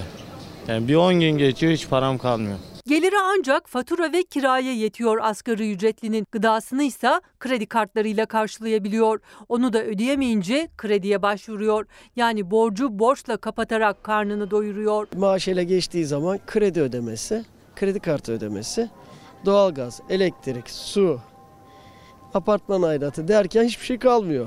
Sonra ne oluyor? Tekrardan kredi kartları. Ee, bankalara çalışıyoruz. Sertel Bey günaydın. Mecliste komisyonda bulunan staj yasası onaylansın. Sanayilerde, fabrikalarda yağ, pas, kir içinde çalışan meslek sesi ve çıraklık okullarından mezun olanların emeği başlangıç sayılsın demekte. Sümer Pınar Hanım, Pınar Sümer günaydınlarımızı iletelim. Koronavirüsü İran'da da çıkmış. Bu konuyla ilgili hükümet ne yapıyor acaba diye sormakta. Hemen gösterelim o zaman Pınar Hanım ve izleyicilerimiz. İran sınırına virüs duvarı. İran'da 5 kişi koronavirüsten ölünce Türkiye sınır kapılarındaki önlemlerini arttırdı. İran'dan gelecek yolculardan sağlık belgesi istenecek. Sınırda bir güvenlik duvarı örüldüğü bilgisi verildi Sağlık Bakanı tarafından. Ölümcül virüs kapımıza dayandı. İran'a sıçrayan virüs ülkede şimdiye kadar 5 kişinin hayatını kaybetmesine yol açtı. Sağlık Bakanı Fahrettin Koca yeni koronavirüs COVID-19'u anlattı. Bugün itibariyle en son İsrail'de dahil olmak üzere 31 ülkede koronavirüs görülmüş oldu. Ve şu an toplam vaka sayısı 76.775'e ulaştı. Toplam ölen kişi sayısı 2249 oldu. Çin'den dünyaya yayılan koronavirüsü ya da yeni haliyle Covid-19 vakaları artıyor. Ülkeler teker teker karantina merkezleri kuruyor. Şüpheli vaka sayısını güncelliyor. İtalya'da Kondonya kenti karantina altında. Lübnan'da İran'ın Kum kentinden gelen uçaktaki 45 yaşındaki bir kadında tespit edildi virüs. Ukrayna'da Çin'den gelenlere saldırıldı. İsrail'de ilk vaka tespit edildi. İran'da 5 kişi hayatını kaybetti. Covid-19 Türkiye'nin sınırında artık. Van'da İran'a açılan Kapıköy gümrük kapısında gerekli önlemler alınıyor. Görevli personel maske ve eldiven kullanmaya başlarken termal kamera montajı yapılması, sağlık odası kurulması kararı alındı. Sözcü gazetesiyle devam edeceğiz. Manşeti okumuştuk. İki haberimiz daha var Sözcü gazetesinden. Bartley herkesle görüşmüş. Kavala'nın tutuklanmasına gerekçe yapılan Amerika Birleşik Devletleri'nin trafiği karışık. 15 Temmuz'un yurt dışı ayağı olmakla suçlanan ve CIA ajanı olduğu ileri sürülen ABD'li Henry Barkley, Barkey 2013'te Bülent Arınç'la da toplantı yapmış. Yani hani bunlar nasıl tartışmalar, ne gerek var böyle tartışmalara diyen ve hatırlatan bir manşet olmuş. Gelelim diğer bir haber Sözcü gazetesinde e, o haberimizde çeyrek altın kara borsada. Fiyatı 3 günde füze gibi arttı. İdip gerilimi parası olanı güvenli liman olarak görülen altına yöneltti. Salı gününü 512 liradan kapatan çeyrek altın dün 532 lirayı aşınca kapalı çarşıda bile bulunmaz oldu. Hani diyordu ya Özcan Bey, Özcan Dönmez unutmamalı derken altındaki artışı unutmayın. Mesela dolar vurduk masaya 5 liraya indirdik doları cümlelerini unutmayın. Şu anda doların 6 lira 12 kuruş olduğunu da unutmayın, unutturmayın demişti. Hatırlatalım. Çin'den yayılan koronavirüs, Orta Doğu'da yaşanan sıcak gelişmeler piyasaları da ısıttı. Hafta başında 6 lira 4 kuruştu dolar. Hafta boyunca ikişer kuruş yükseldi. Cuma'ya gelindiğinde 6 lira 12 kuruşla kapattı haftayı. Yılların değişmeyen yatırım aracı yastık altı güvencesi altın hafta boyunca yükselişteydi. Pazartesi günü 307 lira olan gram altın 322 lira oldu. Çeyrek altın 528 liradan satışta. Fiyatlar berbat, çok kötü. Yani hiç e, kuyumcuların önünde bile geçmiyorum ben. Altın fiyatlarındaki hızlı yükseliş yaklaşan düğün sezonu öncesi aileleri kara kara düşündürmeye başladı. Evde anlaşıyorlar. Kuyumcuya gelince fiyatları görünce alamıyorlar. Sahte takmalar çoğaldı. Emanet altın alıyorlar. Kuyumcuyla anlaşma yapıyorlar. E, biz düğünü yapalım bir 10 gün sonra getirelim. Pahalılığa çözüm arayanlar imitasyon altına yöneldi. Gelin damat mesela maddi durumu çok iyi değil adamın. Yani Sırf gösteriş gelin olsun aynen boş kalmasın üstü gösteriş amaçlı kullanıyorlar. yani. Amerika Birleşik Devletleri merkezli Uluslararası Kredi Derecelendirme Kuruluşu Fitch Türkiye'nin kredi notunu açıkladı. Uluslararası kuruluş Türkiye'nin kredi notunu durağan görünümle BB olarak teyit etti. Ekonomi harika, hedefler tutuyor. İhtimal vermiyorum hani enflasyon, kur ve faizlerde ihtimal verilmeyecek başarıları gördük, görmeye de devam edeceğiz. Hazine ve Maliye Bakanı Berat Albayrak'ın cümleleriydi. Meral Akşener, İyi Parti lideri Meral Akşener de kendisine şöyle bir yanıt verdi. Bıktık biz bu yalanlardan. Yani damat beyin bu yalanlarından bıktık dedi. Sağda, sokakta esnafla konuşuyor ve e, isterseniz hemen bir gazeteden de esnafın ne durumda olduğunu söyleyelim. Sonra Aydınlık gazetesine dönelim. Korkusuz gazetesi millet petek kapatıyor. Esnafsa kepenk kapatıyor. Buradan da ekonomideki o tartışmalara geçiş yapmış olalım. Hazine Bakanı nasıl tarif ediyor ekonomiyi? Vatandaş sokakta neyle karşılaşıyor? Meral Akşener'in kurduğu cümleler. O habere gidelim. Faturalara yetişemeyen vatandaş soğuğu göze aldı. Siftah yapamayan esnaf kepenk kapatırken iki yakası bir araya gelmeyen halk da iyice kemer sıktı. CHP'li vekil doğalgaz lüks tüketime dönüştü dedi. Zaten vergiyi de o şekilde alıyorlar. Son iki yılda doğalgaza %62, elektriğe %71 zam geldiğini hatırlatan CHP milletvekili Ünal Demirtaş, emekli zammı ortada. Doğalgaz faturaları 600, 800, elektrik faturaları da 200 lira, 300 lira gibi rakamlara çıktı. Halk çareyi kalorifer peteklerini kapatmakta buldu diye konuştu. Vatandaşın tek bir odada toplandığını, çoğunlukla geceleri ısınmaya çalıştığını söyleyen Demirtaş, zam yüzünden konutlardaki doğalgaz tüketimi %29.4'e düştü. Şimdi efendim eğer bu haberde ya da bir milletvekilinin anlattıklarında abartı varsa Mesela ben hayatı öyle yaşamıyorum. Doğalgazımı da çok rahat açıyorum. Çok da güzel geçiniyorum diyenleriniz varsa lütfen mesaj göndersinler. Ya da bu şekildeyse sizin yaşantınızda onunla ilgili de kuracağınız bir cümle varsa lütfen bizlere yazıp gönderin. İlker Karagöz Fox Instagram adresim, Karagöz İlker Twitter adresim ve siyasetin gündemindeki ekonomi. Attığımız tüm bu adımların hepsi ekonomimizin, ülkemizin büyümesinin yanında toplumumuzun, milletimizin huzur ve istikrarını çok daha ileri taşımaya katkıda bulunacak. Saraylarından bir sokağa çıksınlar, çöpten geçinen vatandaşlarımızın halini bir görsünler. Dolmayan fidelere, akşam pazarında bile etiketlerdeki yangına bir baksınlar. Hazine ve Maliye Bakanı Berat Albayrak Gaziantep'ten sonra Mardin'de de iyimser bir tablo çizdi ekonomide. Bir kez daha ihtimal verilmeyen başarı sağladık dedi. Her sözü muhalefetin gündemindeydi. Tüm bu zor dönemlerde uygulanan bu doğru politikalarla hiç kimsenin ihtimal vermediği bir şekilde hamdolsun bu iyileşme süreci başladı. Kendimi gülmekten işin doğrusu zor tutuyorum. Polyanlacılık oynamakla ekonominin düzelmeyeceğini idrak etmek mecburiyetindedir bu iktidar. 2020 çeyreği çok iyi başladı bu arada. Berat Albayrak'ın yalanlarından biz bıktık. Yani La Fontaine'i aratmıyor bize. Emekliyiz. 6 senedir bir simit satıyor. Bir simit alıp ikiye böler Ev kendi evim olmasına rağmen karı koca zor geçiyor. Emeklinin kaderi böyle mi olacak? Kendi şehrimden sordum yani. Şehirden soğumayın, ekonomiyi bu hale getirenlerden soğuyun. Bugün bir markete gidiyorsunuz, en azından 150 lira para harcıyorsunuz. Emin olun alemle dışarıda 10 defa yemek yememişim. İyi Parti lideri Meral Akşener de sokakta ekonominin nabzını tutmayı sürdürüyor. Ne kadar emekli maaş alıyorsun? Ben 2100 lira alıyorum. Ya ev kira mı? 1000 lira.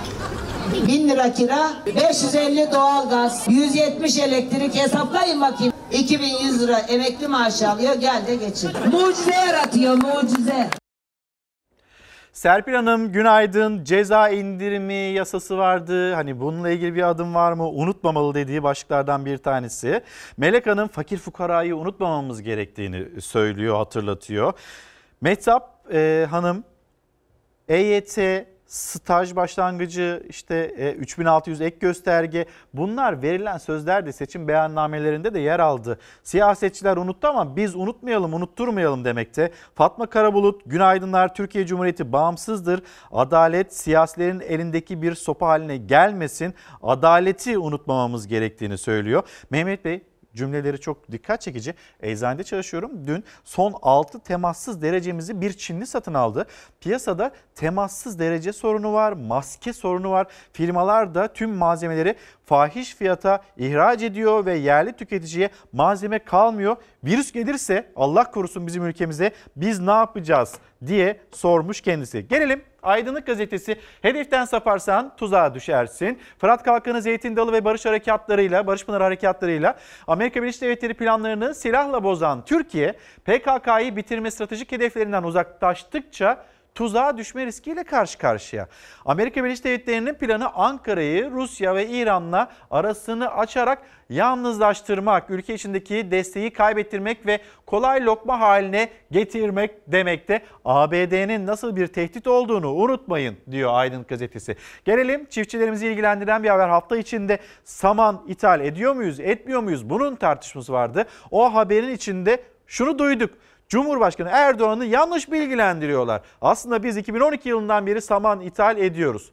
Muhalefetten bu cümle kurulmuştu. Cumhurbaşkanı Erdoğan saman ithal edildiği haberlerinin doğru olmadığını söyledi ve yine e, CHP lideri Kemal Kılıçdaroğlu'nu eleştirdi. Sonra biz öğrendik ki öğrendiğimiz kişi Tarım Bakanı'nın ta kendisi Hayır biz saman ithal ediyormuşuz. Bakanlıktan çiftçiye para yok. Özel bir haber Aydınlık Gazetesi'nde Çoğu pamuk ekimi yapılan iller olmak üzere 23 ile mazot ve gübre desteği ödemesi çıkmadı. Bakanlık ödeme soranlara da para yok dedi. Bir yanda işte ithalat yapıyor muyuz yapmıyor muyuz Tarım Bakanı'nın hatırlayalım unutmamak gerekiyor. Paramız var ki ithal edebiliyoruz cümleleri. Diğer yanda Türkiye'nin saman tartışması. Saman Bulgaristan'dan ithal ediliyor. Trenlerle Türkiye'ye geliyor.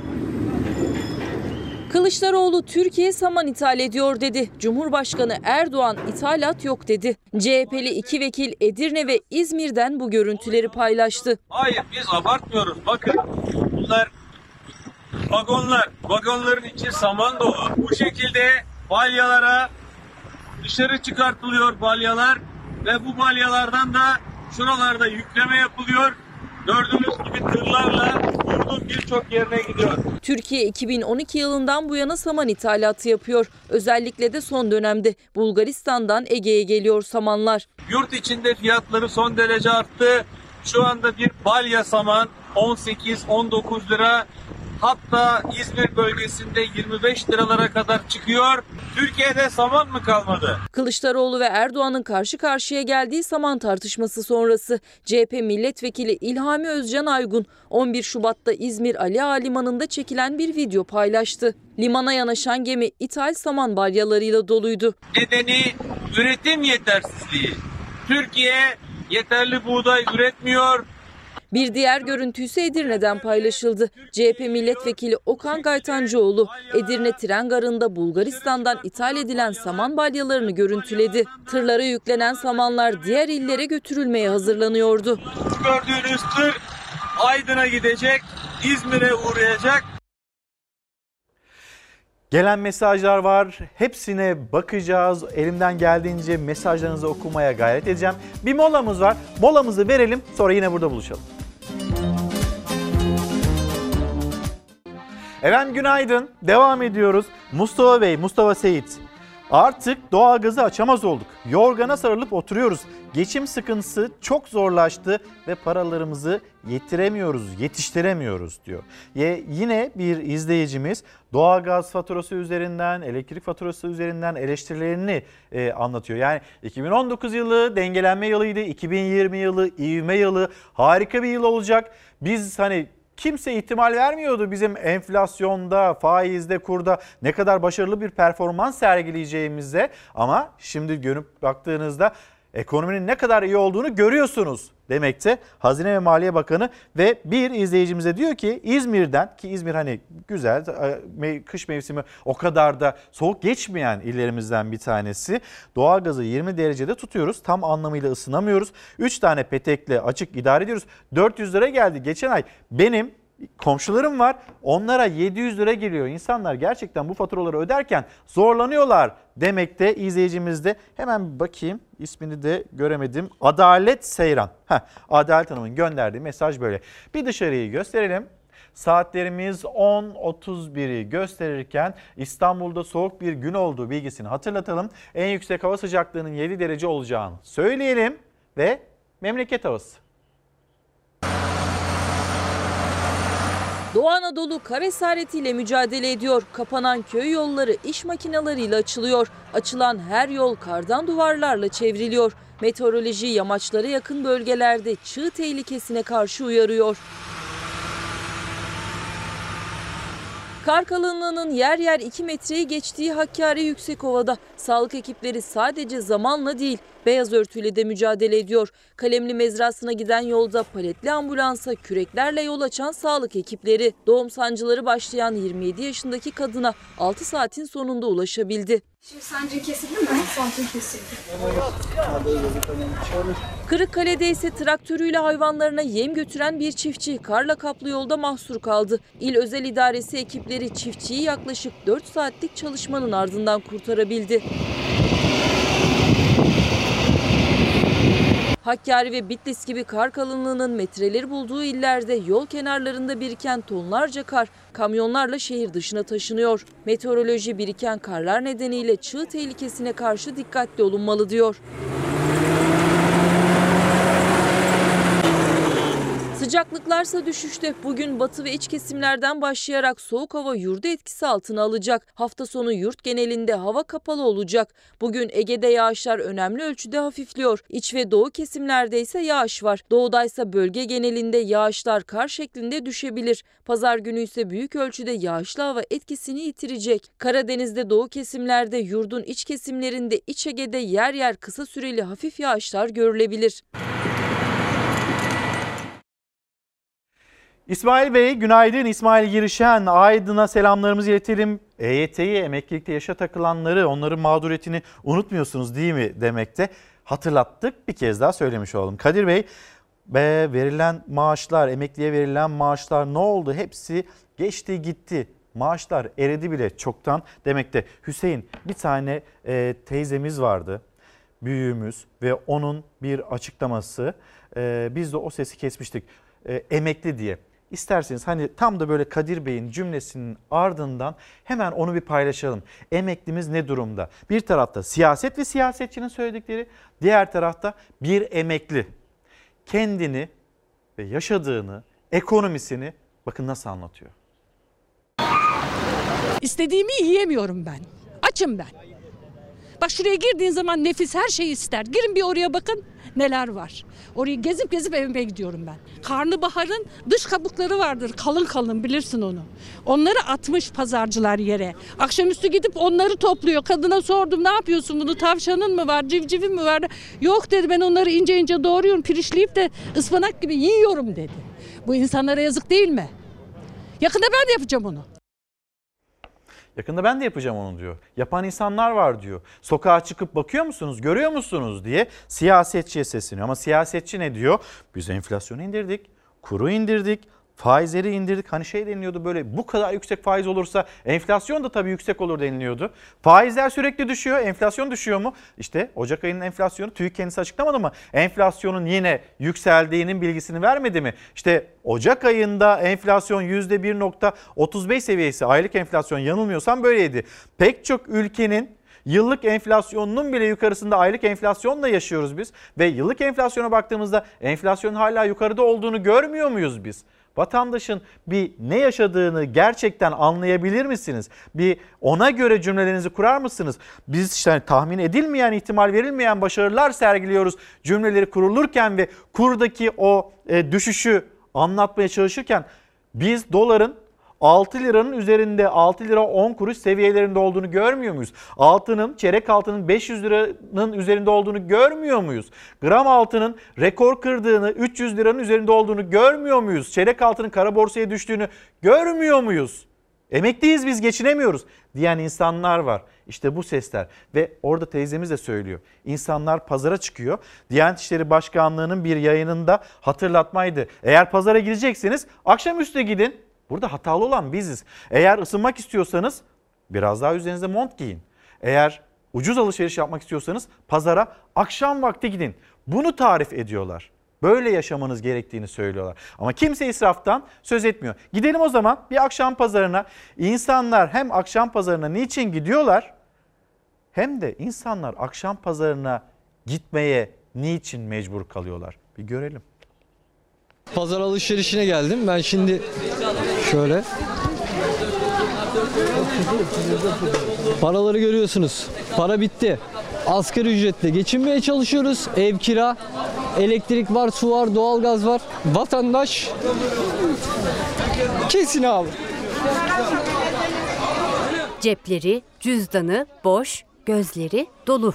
Akşam karanlığında bir umut birkaç lira kar etmek için pazarda. Onun gibi binlercesi daha. Fiyatlara mı bakıyorsunuz? Evet, fiyatlara bakıyoruz. Ne görüyorsunuz? Hayat pahalı be kızım. Ben artık fıttıracım. Niye? İşte şu, şu hayat şartlarından. Emekli Sabahattin Gürce'ye artık fıttıracağım dedirten sebze meyve fiyatları. Lastik ayakkabıları, bastonu, kızgın bakışlarıyla tezgahları tek tek dolaştı. Üç poşetle evine döndü. Alışverişe çıkmak için de akşamı bekledi. Çünkü tek ürün 3 fiyat var pazarda. Örneğin domates sabah 4 lira, akşam 3,5. Kasada kalanı biraz hırpalanmışı o bile 2,5. Gün sona yaklaştıkça pazarın ışıkları yanıyor, etiketler değişiyor, kalabalık büyüyor. Her şey pahalı. Biber 10 lira. Patlıcan, salatalık 10 lira. Her şey 10 lira. Akşam ezanı okunuyor şu anda. Evet. Pazardasın sadece. Daha pazardayız evet. Namazı kaçırmayın. Evet namaz kaçırmayalım gidelim de namazımızda kılıyoruz Allah'a çok şükür. Torunum yalnız. Torununuzu yalnız bırakıp akşam pazarına mı çıkıyorsunuz? Aha, ucuz oluyor ya o yüzden. Yeni mi çıkıyorsunuz? Hiç çıkıyorum işte. Akşam altı buçuk. Evet. Niye? İndirimli oluyor değil. Biraz patates, biraz soğan, bir de peynir alıp gideceğim aldığım konu bu. Niye 50 lira ayırdınız pazara? E ancak yetiyor kuzum. Akşam pazarı fiyat düştü. Vatandaş yesin, gariban yesin, fakir yesin, fukara yesin. 11 lira olmuş. Efendim? Evet. Kimle konuşuyorsunuz? Eşim de. Ne diyorsunuz eşinize? Eşim diyor salatalık domates al. Biz de baktık kiloları 11 liraya var, 10 liraya var. Ama güzel de değiller yani. Eşinize telefonda fiyatları mı söylüyor? Evet. Eşiniz ne diyor? E alma diyor. pahalı marketlerde ve önceki pazarda uygun demek ki pazarda da aynı. Siz de marketleri mi araştırdınız? Evet. Evet, bir çorba yaptım, çorba ekmek yedim yeter. İnteraktif pazar gezmesinden eli boş dönen de tezgaha koyduğu ürünü satamadan kaldıran pazarcı da dertli. Milletin durumunu görüyoruz. Herkes perişan. Bak şu mesela kerevizler 1 lira 2 liraya veriyoruz. Şunu bana verir misin diyor işte o çürük domatesleri. Ne veriyoruz yani öyle gariban çok şu anda. Ya insanın bir, bir defa içi ürperiyor. Tezgahların arkasına gelip kalan malları alan insanlar da var. Maddi durumları elverişli olmayan insanlarımız var. Allah yardımcıları olsun. Bunu devlet yetkililerinin duyması lazım. Vatandaşın cebindeki para bu. Evli misiniz? Çocuğunuz Evliyim, var bir mı? tane çocuğum var. Cebimdeki para bu. Tekrar gösteriyorum ben. Şimdi bu parayla 70 lirayla akşam alışveriş yapıp eve gidecek. Yani vatandaş kesin abi.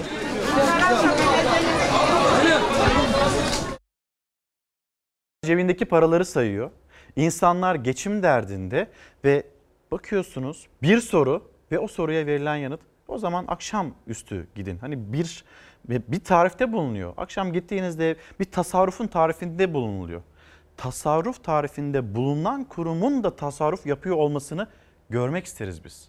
Yani o makamlar, o mevkiler, sonra harcamalar, bütçede en fazla kaynağın aktarıldığı bir kurum ve o kurumun da tasarruf yaptığını görmek isteriz. Türkiye'deki pek çok kurum gibi Diyanet İşleri Başkanlığı'nın da belediyelerinde, siyasetçinin de, meclisinde vatandaş bu haldeyken cebinden çıkartıp o paraları sayarken ve sözcükler boğazında düğüm düğüm olurken konuşamazken babayım ben derken iki çocuğum var derken o kurumların da tasarrufu öğütleyenlerin de tasarruf yapması gerekiyor. Bir gün gazetesi manşeti çocuktan al haberi. Ekonomik kriz çocukları da derinden etkiliyor. İstanbul İstatistik Ofisi'nin araştırmasına göre yoksul hanelerin neredeyse yarısında çocuklar yeteri kadar beslenemiyor. Hanelerin %42.3'ünde çocukların sadece bir çift ayakkabısı var.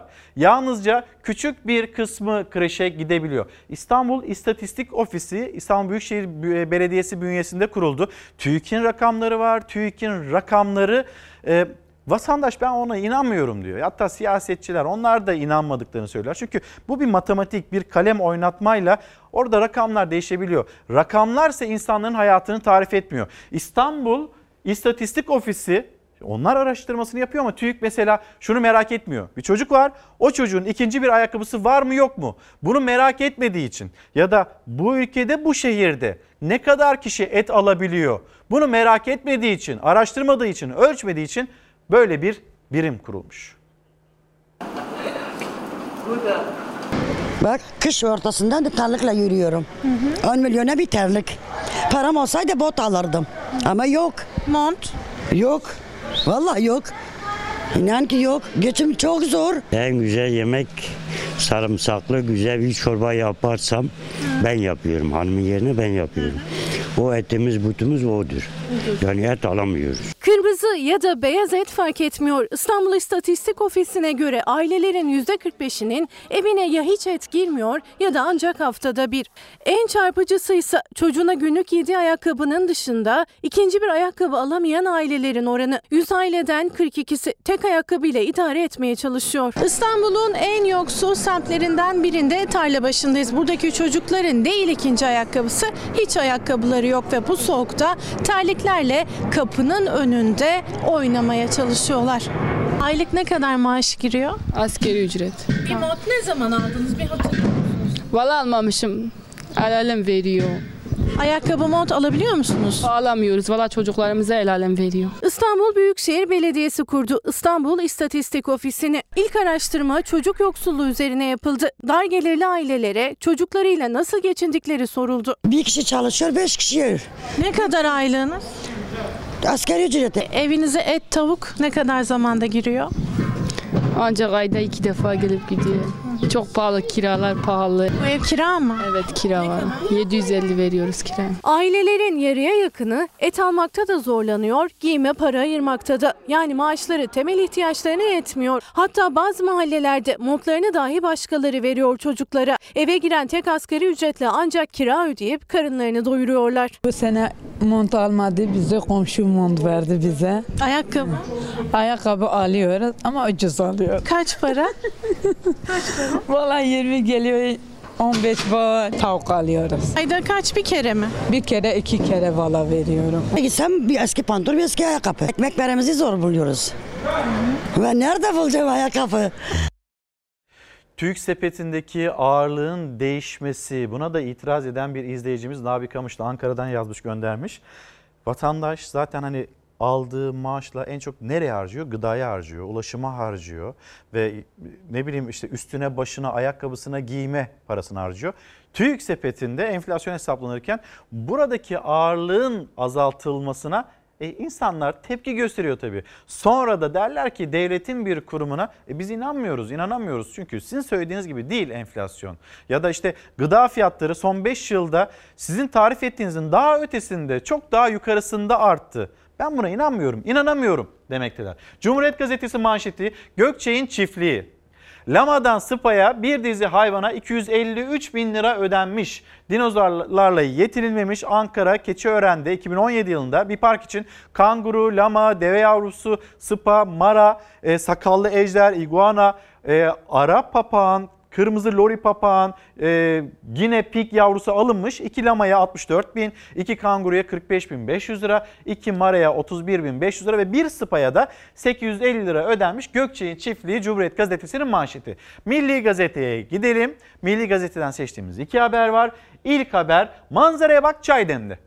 Çay üretiminin merkez üssü Rize, çay ithalatının merkez üssü oldu. Türkiye'de çay üretiminin büyük çoğunluğunun yapıldığı Rize, geçen yıl 17.260 ton kuru çay ithalatıyla en çok çay ithal eden il oldu. Rize Ticaret ve Sanayi Odası Başkanı Şaban Aziz Kara Mehmetoğlu, Rize olarak çay ihraç etmenin peşine düşmüşken dışarıdan çay ithal ediyor olmamız pek hoş bir durum değil. Manzaraya bak çay demle manşet. Tarım, tarımda neden sürekli ithalat kartını çektiğimiz eleştiri konusu. Gündemimizden çıkar mı? Mesela saman konusunda Tarım Bakanı'nın açıklamaları var. Saman konusunda biz saman ithal ediyoruz dedi ama Türkiye'nin de e, bazı noktalarda mesela saman konusunda kendi kendine yetebilen ülkelerden bir tanesi olduğunu söyledi. O cümlelerine bir kulak kabartacağız ama önce yurt dışına giden sermaye Türkiye'de kalsa işsizlik biter. Bu cümleler e, memleketinde konuşan Saadet Partisi lideri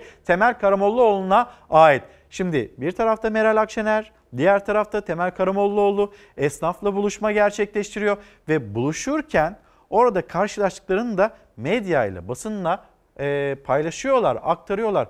Vatandaş ne durumda ve biz bu ekonomik darboğazdan, sıkıntıdan nasıl çıkarız? Onların da formülleri var. Türkiye'nin her sene en az 100 milyar, 150-200 milyar üretime dönük yatırıma ihtiyacı var. Çünkü şu anda siz 1 milyonluk bir yatırımla ancak bir belki bazen bir buçuk kişiye iş bulabiliyorsunuz.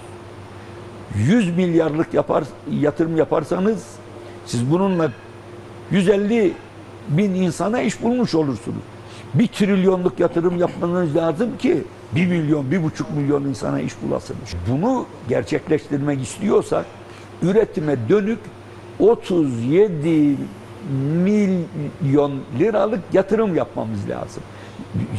Milyar liralık düzeltiyorum. 37 milyar liralık fabrika kurmamız veya madencilikte, tarımda üretimi artırmamız lazım. Ve Tarım Bakanı'nın cümleleri Türkiye'de hakikatleri bükmeye çalışanlar var. Ben size gerçeği anlatayım dedi verdiği rakamlar. Bir polemik konusu gene başladı. Efendim Türkiye saman ithal eden bir ülkedir. Şimdi Türkiye'nin 2019 yılı saman ithalat verilerini söylüyorum. 1953 ton. Karşılığında 85 bin ton ihraç etmiş. Bunların birçoğu da saman değil. Yonca, unu, pelet, yonca unu peletleri, diğer hayvan yemleri ve hububat kapçıkları. İkisi de ithalat da çoğu saman değildir. İthalat ihracatın 40'ta biri. Ama şöyle bir şey var. Türkiye'nin ihtiyacı 40 milyon ton zaten. 40 milyon ton da 1000 ton 2000 tonu konuşuyoruz. Çünkü hakikatleri bükmeye çalışanlar var Türkiye'de.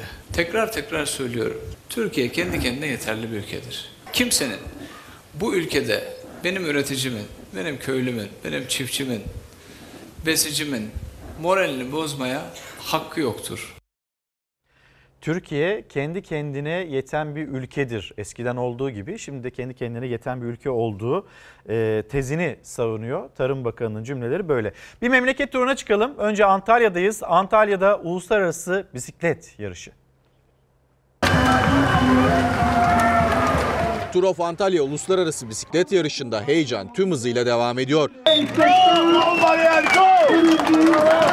Tour of Antalya'nın 165,3 kilometrelik ikinci etap yarışı da geride kaldı. Antalya'nın doğal güzelliklerini de ön plana çıkaran yarışta büyük mücadele yaşandı.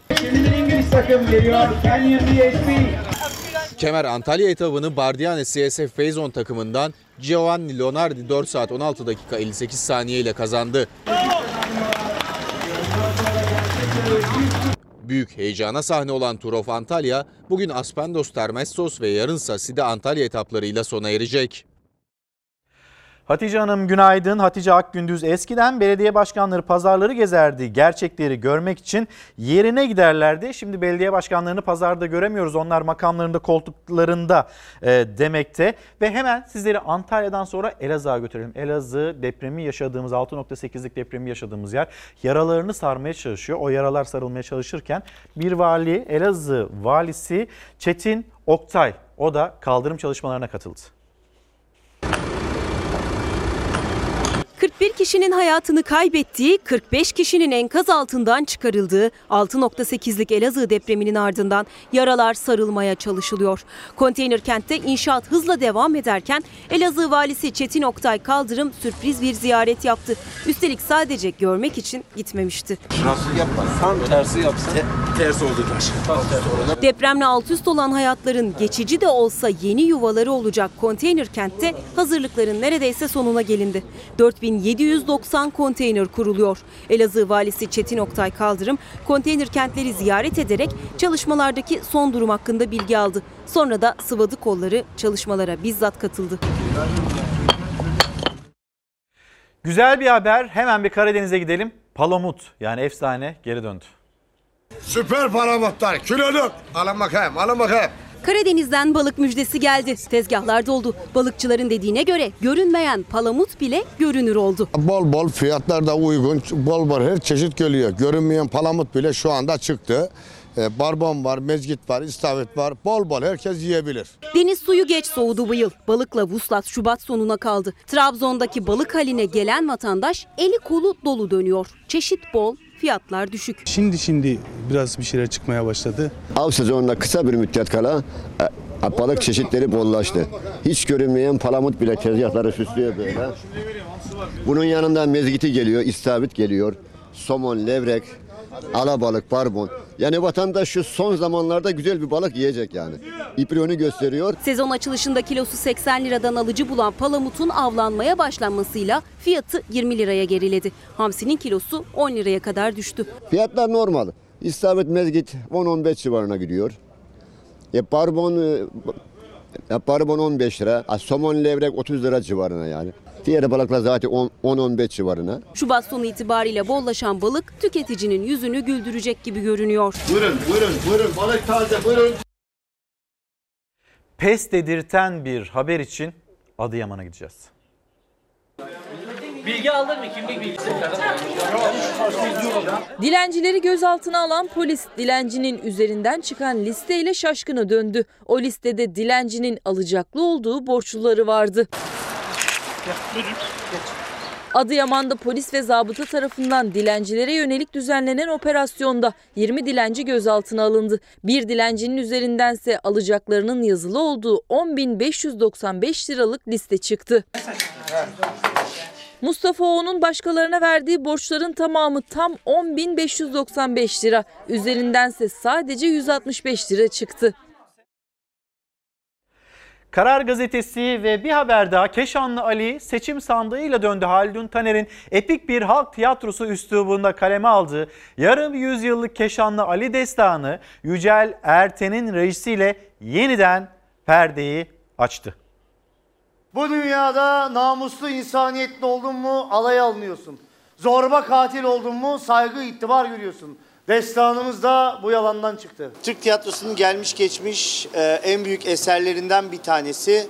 Büyük usta Haldun Taner'in yazdığı, e, Yalçın Turan'ın müziklerini yaptığı Keşanlı Ali Destanı'nı Pervaz Tiyatro olarak seyirciyle buluşturmak bizim için çok büyük bir gurur. Türk tiyatrosunun ölümsüz eseri Keşanlı Ali Destanı yine sahnede. Bu defa İlker Ayrık can verdi Keşanlı Ali'ye. Usta oyuncularla birlikte yeniden yorumladı Haldun Taner'in eşsiz eserini. Ben de bu fos dalgayı ona yutturmazsam bana da anlı şanlı Keşanlı Ali demesinler. Bizim için tarifi mümkün olmayan bir gurur. Böyle bir eseri böyle ustalarla e, oynamak beni izleyen meslektaşlarım özellikle ne demek istediğimi çok iyi anlıyorlardır ama bizim için çok çok çok büyük, bir, gurur. Biz hocalarımızdan bir bayrak teslim aldığımızı varsayıyorum. Öyle hissediyorum. Bunu yürekten hissediyorum. Ama mesele bayrak olabilmekte aslında. İlker Ayrık, Birce Akala ile birlikte başrollerini paylaşıyor tiyatro oyununun. Köksal Engür, Meral Çetinkaya ve Nilgün Kasapbaşoğlu gibi usta isimler de yer alıyor Keşanlı Ali Destanı'nda. Tiyatroda oynamadım e, Keşanlı Ali Destanı'nı. Defalarca seyrettim. İlk defa tiyatroda oynamak nasip oluyor. Bizim zamanımızda bu kadar donanımlı sesi, bedeni, dansı, oyunculuğu bir arada e, azdı. Çok müthiş şartlarda çalışıyoruz. Saygı, sevgi, kulisimizde her şey var. Çocukluk hayali deyin, gençlik hayali deyin, dünün hayali deyin, bugünün yarım saat öncesinin hayali deyin. Bizim için çok büyük bir hayal. Ee, ve bu hayalin peşine düşmek, birlikte bunun için gözyaşı dökmek, emek harcamak, ter akıtmak olağanüstü bir şey. İlker Ayrık'ın yıllardır kurduğu bir hayalde aslında Haldun Taner'in eserini sahneye taşıyabilmek. O hayali gerçekleştirdi. Premier büyük alkış aldı. Mayıs sonuna dek İstanbul'da sahneleyecek olan Keşanlı Ali Destanı'nı önce tüm Türkiye'ye ardından da dünyaya taşımak istiyor İlker Ayrık. Yaz turnesi, e, Ege ve Akdeniz'de açık havalar öyle bir e, planımız var. Sonra sezonla beraber tekrar buradayız ve belki de ondan sonra yurt dışı gibi gibi planlarımız var. Sıfıra sıfır elde var kaç? Hey Şerif abla hey!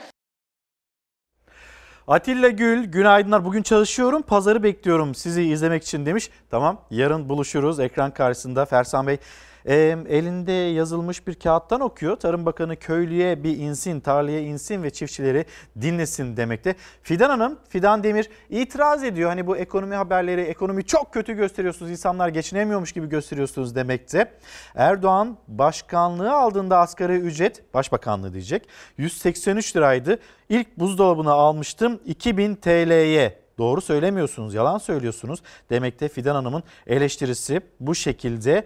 Ee, hükümlüler biz nefeslerimizi tuttuk af düzenlemesini bekliyoruz demekteler ve e, sent pazarları sent pazarlarının belediyeler tarafından zabıtalar tarafından dikkatlice e, yeniden denetlenmesi gerektiğine dikkat çekiyor. Fersan Kurt da Adana'dan ve Ardahanlılara bir misafir olalım ama İstanbul'daki Ardahanlılara.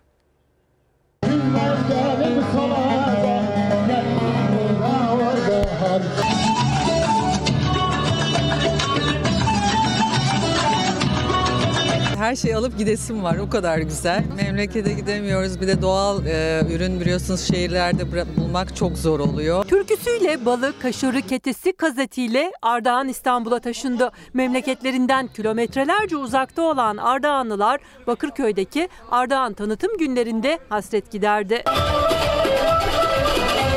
Çıldırlıyım, Ardahanlıyım. Memleket özlemi burada e, gıdalara bakıyoruz, alıyoruz, tadıyoruz. E, tulum peynir aldım. E, tadına bakacağız, memleket tadı tadacağız. İş güç olduğu için gidemiyoruz tabii ki ama e, memleketimiz olduğu için de geldik. Sadece memleket sevdalıları yoktu etkinlikte. Doğal gıdanın izini sürenler, Ardahan'ın meşhur lezzetlerini tatmak isteyenler de bütün standları tek tek dolaştı. Önemli olan işte böyle e, yani doğal köy ürünlerini falan işte bulabilmek, alabilmek yani. Pek İstanbul'da o şansımız yok bizim. Tabii memleketlerde de kimse kalmadığı için artık böyle kendi o şeyimizi bu şekilde gideriyoruz yani. Daha iyi kalitesi daha buralarda bulunduğu için hem, hem kültür şölen, şön, şölenini seyredelim dedik hem de e, güzel ürünlerden alalım dedik. Çeşit çeşit peynirlerin, geleneksel yemeklerin hem tadına baktı hem alışveriş yaptı ziyaretçiler. Hem de kentin doğal güzelliklerini, gezilecek, görülecek yerlerini, ticari önemini de öğrenme fırsatı yakaladı. Türkiye Çin'den sonra bal üretiminde ikinci ülke olarak. Ama Ardahan'ın balı başka. Ardahan'ın Uğurlu kayak tesisleriyle Uludağ'a rakip bir kayak tesisi var. Asıl derdimiz Doğu Kars Tiflis Bakü Demiryolu'nun Doğu Ekspresi'nin son durağı Ardahan olsun kampanyamız var. Ardahan'a havalanı olsun diye kampanyamız var. Bu etkinlikleri anlatırken, söylerken İstanbul 20 milyonlu kentte, diğer kentlerde anlatırken derdimiz Ardahan'ı anlatmak, gündeme getirmek. Yazın Ardahan'ın yaylaları var. Köprülü'nün Canibek yaylası var. Oksijen deposu Kaz Dağları diyoruz ya. Kaz Dağları'nın ikinci bir versiyonu. İstanbul'un sıcağından, neminden, Antalya'nın sıcağından, neminden bulunmuş bütün insanları yazın Ardahan'a bekliyoruz. Köprülü'ye bekliyoruz. Misafirimiz olarak bütün oksijene, doğaya hasret duyan insanlarımızı oraya bekliyoruz. Ardahan Dernekleri Federasyonu Arfet bu yıl 6.sını düzenledi Ardahan Tanıtım Günlerinin. Etkinlikler kentin 23 Şubat'ta düşman işgalinden kurtuluşunun 99. yıl dönümü kutlamalarıyla bu tarihte sona erecek. Ekonominin aslında yolunda olduğunu söyleyen bir izleyicimiz paylaştığı mesajı e, sizlere de okumuştum. Bir de işlerin yolunda olmadığını söyleyen, siyasetçilerin söylediği gibi olmadığını söyleyen bir izleyicimiz. Bırakın elektriği, doğalgazı yakmayı, ampulleri bile biz açamaz haldeyiz. Bunu insanlar görmüyorlar mı gerçekten yoksa görmekten mi, görmezden mi geliyorlar? Yalçın Ulusoy ne söylerseniz söyleyin turistik oteller, bazı otellerde e, kişiler için ortaya çıkartılmış olan paralar hükümet işverene destek verdikçe halktan uzaklaşıyor e, demekte. Bir de lüks hayat içinde olanlar var. Onları da çekiverin diyor Mürüvvet Hanım'ın gönderdiği mesaj bu şekilde. Neden onları söylemiyorsunuz? Ya da işte 2002 yılında asgari ücret ne kadardı? Ne kadar e, euroya denk geliyordu, dolara denk geliyordu? Şimdi ne kadara denk geliyor? Alım gücüyle bir kıyaslamak gerekmez mi diyen izleyicilerimiz. Yani mesajlar bu şekilde. Bir tarafta siyaset ve siyasetçinin söylediklerini tamam eyvallah diyen, doğru diyen ama az bir kesim. Diğer tarafta işler yolunda değil diyen bir kalabalık. Bir mola döneceğiz. Evet bir kez daha günaydın. Çalar Saat hafta sonuna nokta koyacağız. Saatler 8.30'u gösterdiğinde karşınızdaydık. Şimdi veda anı geldi. Kapatırken bildiğiniz üzere her zamanki gibi teşekkürümüz sizlere. Bizi izlediğiniz için çok ama çok teşekkür ederiz. Yarın saatler yine 8.30'u gösterdiğinde Türkiye'nin, dünyanın ve sizin bizim gündemimizde karşınızda olacağız. Hoşçakalın.